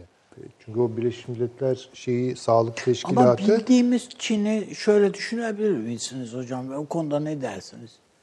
Bilmiyorum. Yani düşünebileceğimiz Çin, şundan 6 ay öncesinin Çin'i, bu virüsü bir şeye döndürebilirdi yani. karşı silaha çevirebilirdi Daha yani. cevap vermedi üstadım Ha, zaten. onu demek istiyorum ben. Yarın ne yapar şeyler var yani. tabii. Ama işte bu şey Münih'teki e, toplantıda ilk defa bu kadar Yani adam karşılıklı konuşma oldu. Tabii gerginlik oldu. Ha, yani ilk defa bu kadar bizim elde tutabileceğimiz. Hayır şöyle tabii. bir şey yani benim söylemek istediğim yani Batı'ya dese ki elimizden geleni yaptık. Hepiniz de biliyorsunuz. Bütün laboratuvarlarımızı buna yönlendirdik şu bu. Ama maalesef burada bitti. Yani limit. Bu düşünebiliyor musun? Bunun Batı'da sebep olabileceği Tabii, paniği. tabii, tabii. Yani şunu iyi Tabii, kurmuşlar tabii. çünkü Çin'in ilk yapacağı şey o kendi otokratik yapısına yaslanarak 20 milyonluk bir alanı bloke etmekti ve etti. Karantina, tabii, tabii. Ve etti. Tabii, etti. Yani, Ediyorlar. Bunu sadece yani- Çin yapabilir diye. Aynen öyle. Ha, Başkası öyle. 20 Yapamaz kişiyi yani. karantina Tabii, edemezken yani işte yapamaz. gemi ortada. Tabii, tabii. Adam 20 milyonu 22 milyonluk yeri Aynen kapattı. öyle. Ve kuzu kuzu oturuyor Kuzu kuzu da. oturdu. Ve öyle görüntüler geliyor ki bir kısmına güvenip yayınlayamıyoruz. Bir kısmına vicdanımız el vermiyor. Öyle. Yani bazı Sokaklarda, sahneler var. evet. Hastanedeki hastalar yanlarındaki ölen hastanın nasıl götürüldüğünü çekip yayınlıyor. Yani öyle durumlar Tabii, var. tabii. Başka şeye de Başhekimler ölüyor ya. Yani tedaviyi bulan adam ölüyor. Virüsü bilen, keşfeden adam ölüyor filan. Yani ben en sonunda diyorum bu Çin diyecek ki vallahi kusura bakmayın yani. Yani biz de bi- bi- bizim de kaynaklarımız sınırlı işte. Saldık gitti ne yapalım? İşte Süleyman Hoca'nın dediği o, O bak- cevap- açıdan bak, baktığımızda gariplik ortaya çıkıyor. yani bu Amerika'yı vurmak için ise eğer çünkü adam derleyip toparlamaya çalışıyor muydu? Yani o sebepten işte bu nereden kurdunuz. yani bilmiyorum ama hiç çok tesadüfi gelmiyor artık Peki. bana. Fakat şunu Çünkü da şöyle söyleyeyim. gelir insanların aklına. Neden vursun ki Amerika'yı? Amerika'yı. Çin Yani niye vursun? Hayır, hayır. Dediniz ya mesela FED mesela Ha, bu tabii, virüs tabii, tabii, falan. tabii. Sebep seçimler yüzünden diyorsun? Mesela, mesela. Yani iddialardan bir tanesi, bu tartışmalardan bir tanesi. Yalnız şuna bir bakalım, bu çok önemli çünkü. Bize bir şeyi gösterdi bu. Şimdi bu destan kahramanları var malumunuz. Ee, böyle hep gücü temsil ederler. Olağanüstü, yarı tanrı, yarı insan falan. Mitolojide boldur. Şimdi İlyada'daki kahraman Aşil, Aşileus Evet. Yenilmez. Yani işte Patroklos'u yeniyor filan. Hektor'u Topuk da diyorsunuz son. yani. Evet, onun bir topuğu var yani. Bir aşil topuğu var. Bir destanlar mutlaka o zayıf tarafı Zayıf tarafı. gösterir. Süper kahramanların Ha bir zayıf tarafı var. işte mesela Herkül'ün saçlarıdır falan. Süpermen'in taşıdır, kripto taşıdır falan Tabii, gibi. Bunun gibi. Yani böyle çok güçlü Çin falan yenilmez. Uzayda Amerika'yı geçti, şunu yaptı, bunu yaptı. Unutmayalım 1970'lerde Sovyet Rusya ekonomisi Amerika'yı geçmişti. Üretim hacmi olarak Ha. geçmişti. Hatta e, Samuelson, iktisatçı Samuelson diyordu ki ya kaybettik biz bu yarışı. Ya adamlar aldı başını gidiyor. 10 sene sonra adamlar çöktüler. Yani anlatabiliyor muyum? Şimdi bu e, Çin için de geçerli. Yani ummadığınız bir şekilde çökebiliyorsunuz. Bu Amerika Birleşik Devletleri için de geçerli. Şu var yalnız. Rusya'nın ekonomisi bilgi üretimine dayanmıyordu. Çin'in ekonomisi bilgi üretimine dayanıyor. Valla üstadım yani mesela Silikon Vadisi ile başladı bu enformasyon ve bilgi toplumu lafları. Silikon Vadisi'ni şey bitirdi. İngi- e, Çin'deki e, Marka. bilim vad- vadisi bitirdi. Bilim Vadisi. E tamam işte benim Onu diyorum söylediğim yani o. ama onu da bitirirler. Ha, Yani onu bitirirler çünkü bitirmezler şimdi- onu bilemem ama yani çünkü gidiyorlar. yani Silikon Vadisi'nde de Çinliler ağırlıkta. Şöyle Yani bir şey işin olmaz garibi. mı? Hazır bu Mün- Münih yani güvenlik konferansı üzerinden tartışıyorken. Şimdi bir tane yeni bir belgesel girdi yayına. 8 bölüm. Her biri bir buçuk saat. Yani 50 dakika falan değil. Bir buçuk saat. Vietnam Savaşı'nı anlatıyor. Öyküsünü. Şimdi ben de ya zaten bu kadar hani ne var ki? Yani bilmediğimiz ne olabilir diye. Olur mu ya? Müthiş. En- en- hiç olmazsa en azından şeyine bakayım diye. Hani nasıl ele almışlar, dokümenter olarak nasıl görmüşler meseleyi diye. Hiç öyle çıkmadı. Daha ilk 2-3 bölümde bildiklerimizin çoğunun Bilmediğimiz. Evet yani hatta mesela John F. Kennedy'nin biraz da bu yüzden o savaşı sonlandırmak Tabii. için tam tersine o savaşın Başat destekçilerinden Vietnam meselesinin bir göreve gelmeden önce bile destekçi. Ama asıl şunun için söyledim. Oraya ilk giden en yetkili CIA ajanıyla konuşmuşlar. Vietnam'a. Yani bunların daha hiçbiri yok. Esasında orası bir Fransız kolonisi. Sonra Amerika'ya dönüşüyor. Adama soruyorlar neydi hata diyorlar. Yani çok insan öldü. Şunu diyor. Biz diyor bunun dekolonizasyon olduğunu, o yani kolonist sürecinin bittiğini değil, soğuk savaşın bir parçası olarak gördük Vietnam Savaşı, Vietnam meselesini diyor. Halbuki diyor o, o dönem bitiyormuş. Bunu şunun için soruyorum ya da paylaşıyorum hocam. Acaba biz bakın Çin'i konuşuyoruz, Avrupa'yı, Rusya'nın dağılacağını vesaire konuşuyoruz. Bir şey atlamış olmayalım. Sanki başka bir şey olm bunu düşünmek gerekmez mi? Tabii işte şimdi yeni dünyanın sıklet merkezi ne olacak? Ben hep bunu bu programda da dile getiriyorum. Yazılarımda da yani gerektiği zaman o şeyi veriyorum. Ya 1870'te İngiltere'nin egemenliği bitmişti dünyada reel olarak. Tamam sömürgeleri vardı işte filan. Bir 10 yıl evvel dünyanın en büyük ekonomik gücüydü 1860'larda. 1870'ten sonra İngiltere ne yani ekonomik güç olarak giderek askeri bir ne uzadı ne kısaldı, dondu. Ve taşıyamaz hale geldi dünyayı. Bu dekolonizasyonla bitecekti dediğiniz gibi. Fakat kim bunun yerini alacak?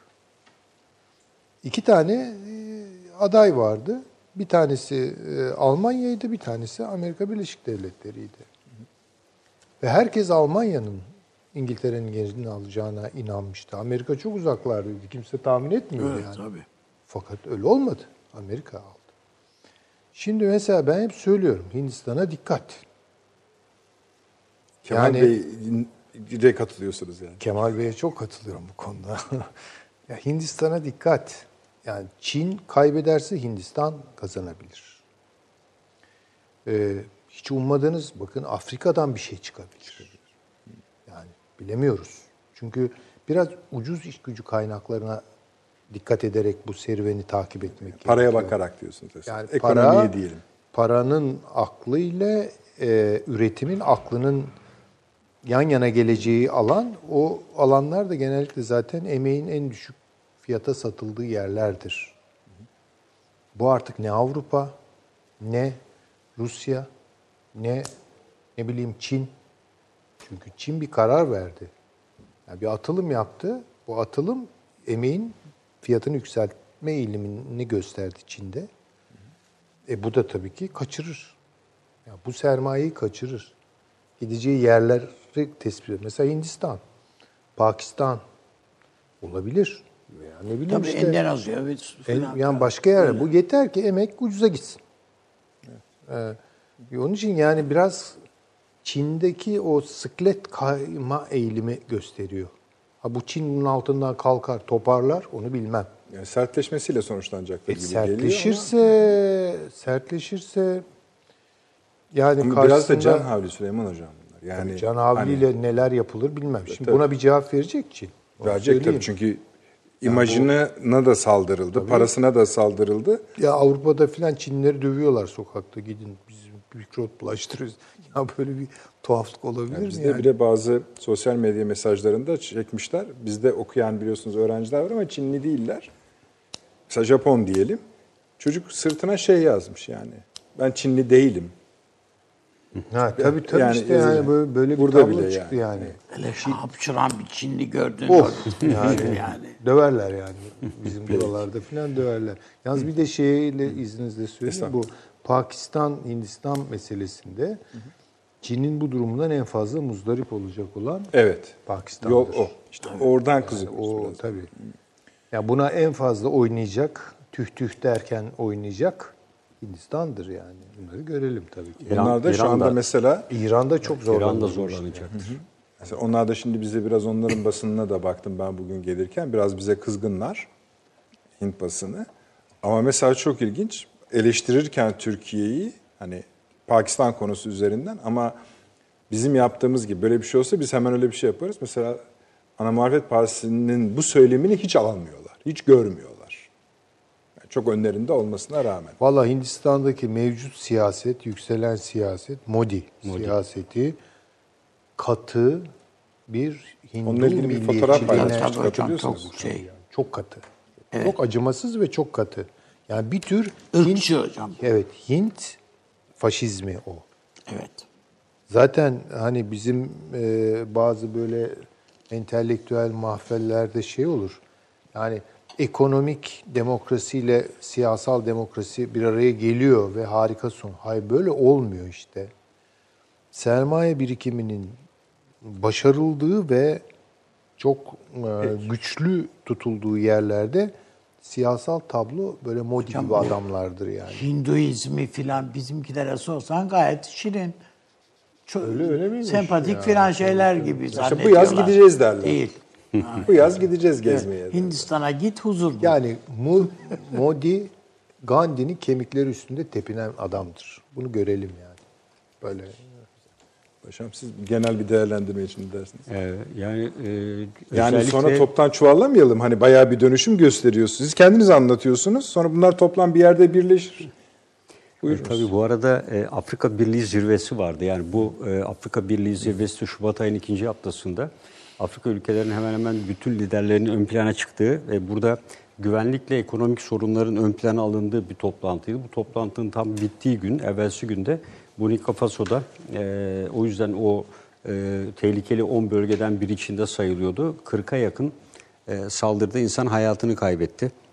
Ee, Afrika e, Birliği içerisinde bu tür e, ortak mutabakat ifadeleri çok sık kullanılıyor ama e, burada yer yer e, işte e, kolonizasyon, yeni dekolonizasyon faaliyetlerine karşı da Afrika ülkelerinin uyarılması ama tabii yaptırım e, güçleri yok. Özellikle artan tüketim harcamaları konusunda e, dışarıdan gelecek e, herhangi bir şekilde mal hizmet satımına karşı Afrika ülkelerinin kendi birlik içinde Avrupa Birliği gibi bir yapılanmayı biliyorsunuz Avrupa Afrika Ekonomik İşbirliği de Güney Afrika'da imzalanmıştı.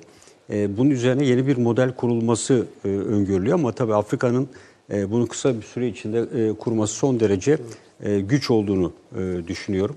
Öbür tarafta tabii Avrupa Birliği'nin bu Operasyon Sofya ismini verdiği e, Doğu Akdeniz'de özellikle Libya'ya yönelik olarak silah e, ambargosunu bozulmasına yönelik faaliyetler izleme hareketi de e, son derece önemli. E, esas silah ambargosundan ziyade e, burada mülteci hareketlerine yönelik bunu bir hareket olarak düşünmek lazım.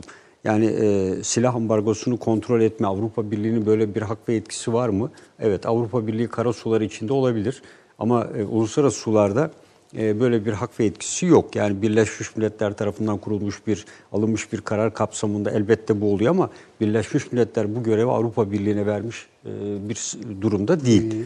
hatta Türkiye ile şeyin anlaşmasının onaylama eğilimi oldu. Evet, evet. Yunanlılar sık sık, bağırıyorlar. sık sık gündeme getirdiler. Yani bu e, ulusal mutabakat hükümeti ile Türkiye arasındaki münasır ekonomik bölge anlaşmasının e, Birleşmiş Milletler'de incelenme sürecindeki gelişmelerin Türkiye lehine olduğu şeklinde e, Yunan basınında e, son 2-3 gündür artan e, ciddi yazılar var. E, diğer hususları zaten belirttiğimiz gibi yani genel hatlarıyla.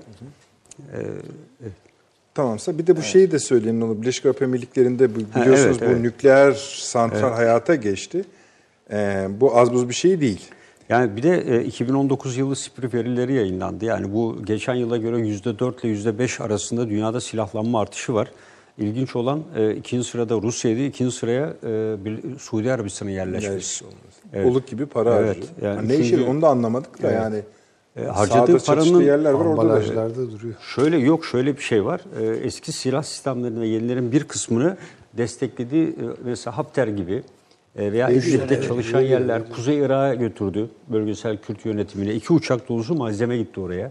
E, bunun gibi e, özellikle Yani bu Birleşik Arap Emirlikleri'ndeki nükleer santral Arap Yarımadası'ndaki ilk. İlk tabii. Yani e, Birleşik Arap Emirlikleri'yle şöyle tabii ileriki süreçlerde e, bunu İran'a e, İran yapıyor. Belki de Amerika Birleşik Devletleri İran'a karşı İsrail'den sonra ikinci bir dengeleme mekanizması olarak kurdurmuş olabilir. Birleşik Arap Emirlikleri'nin böyle bir şeye ihtiyacı yok zaten.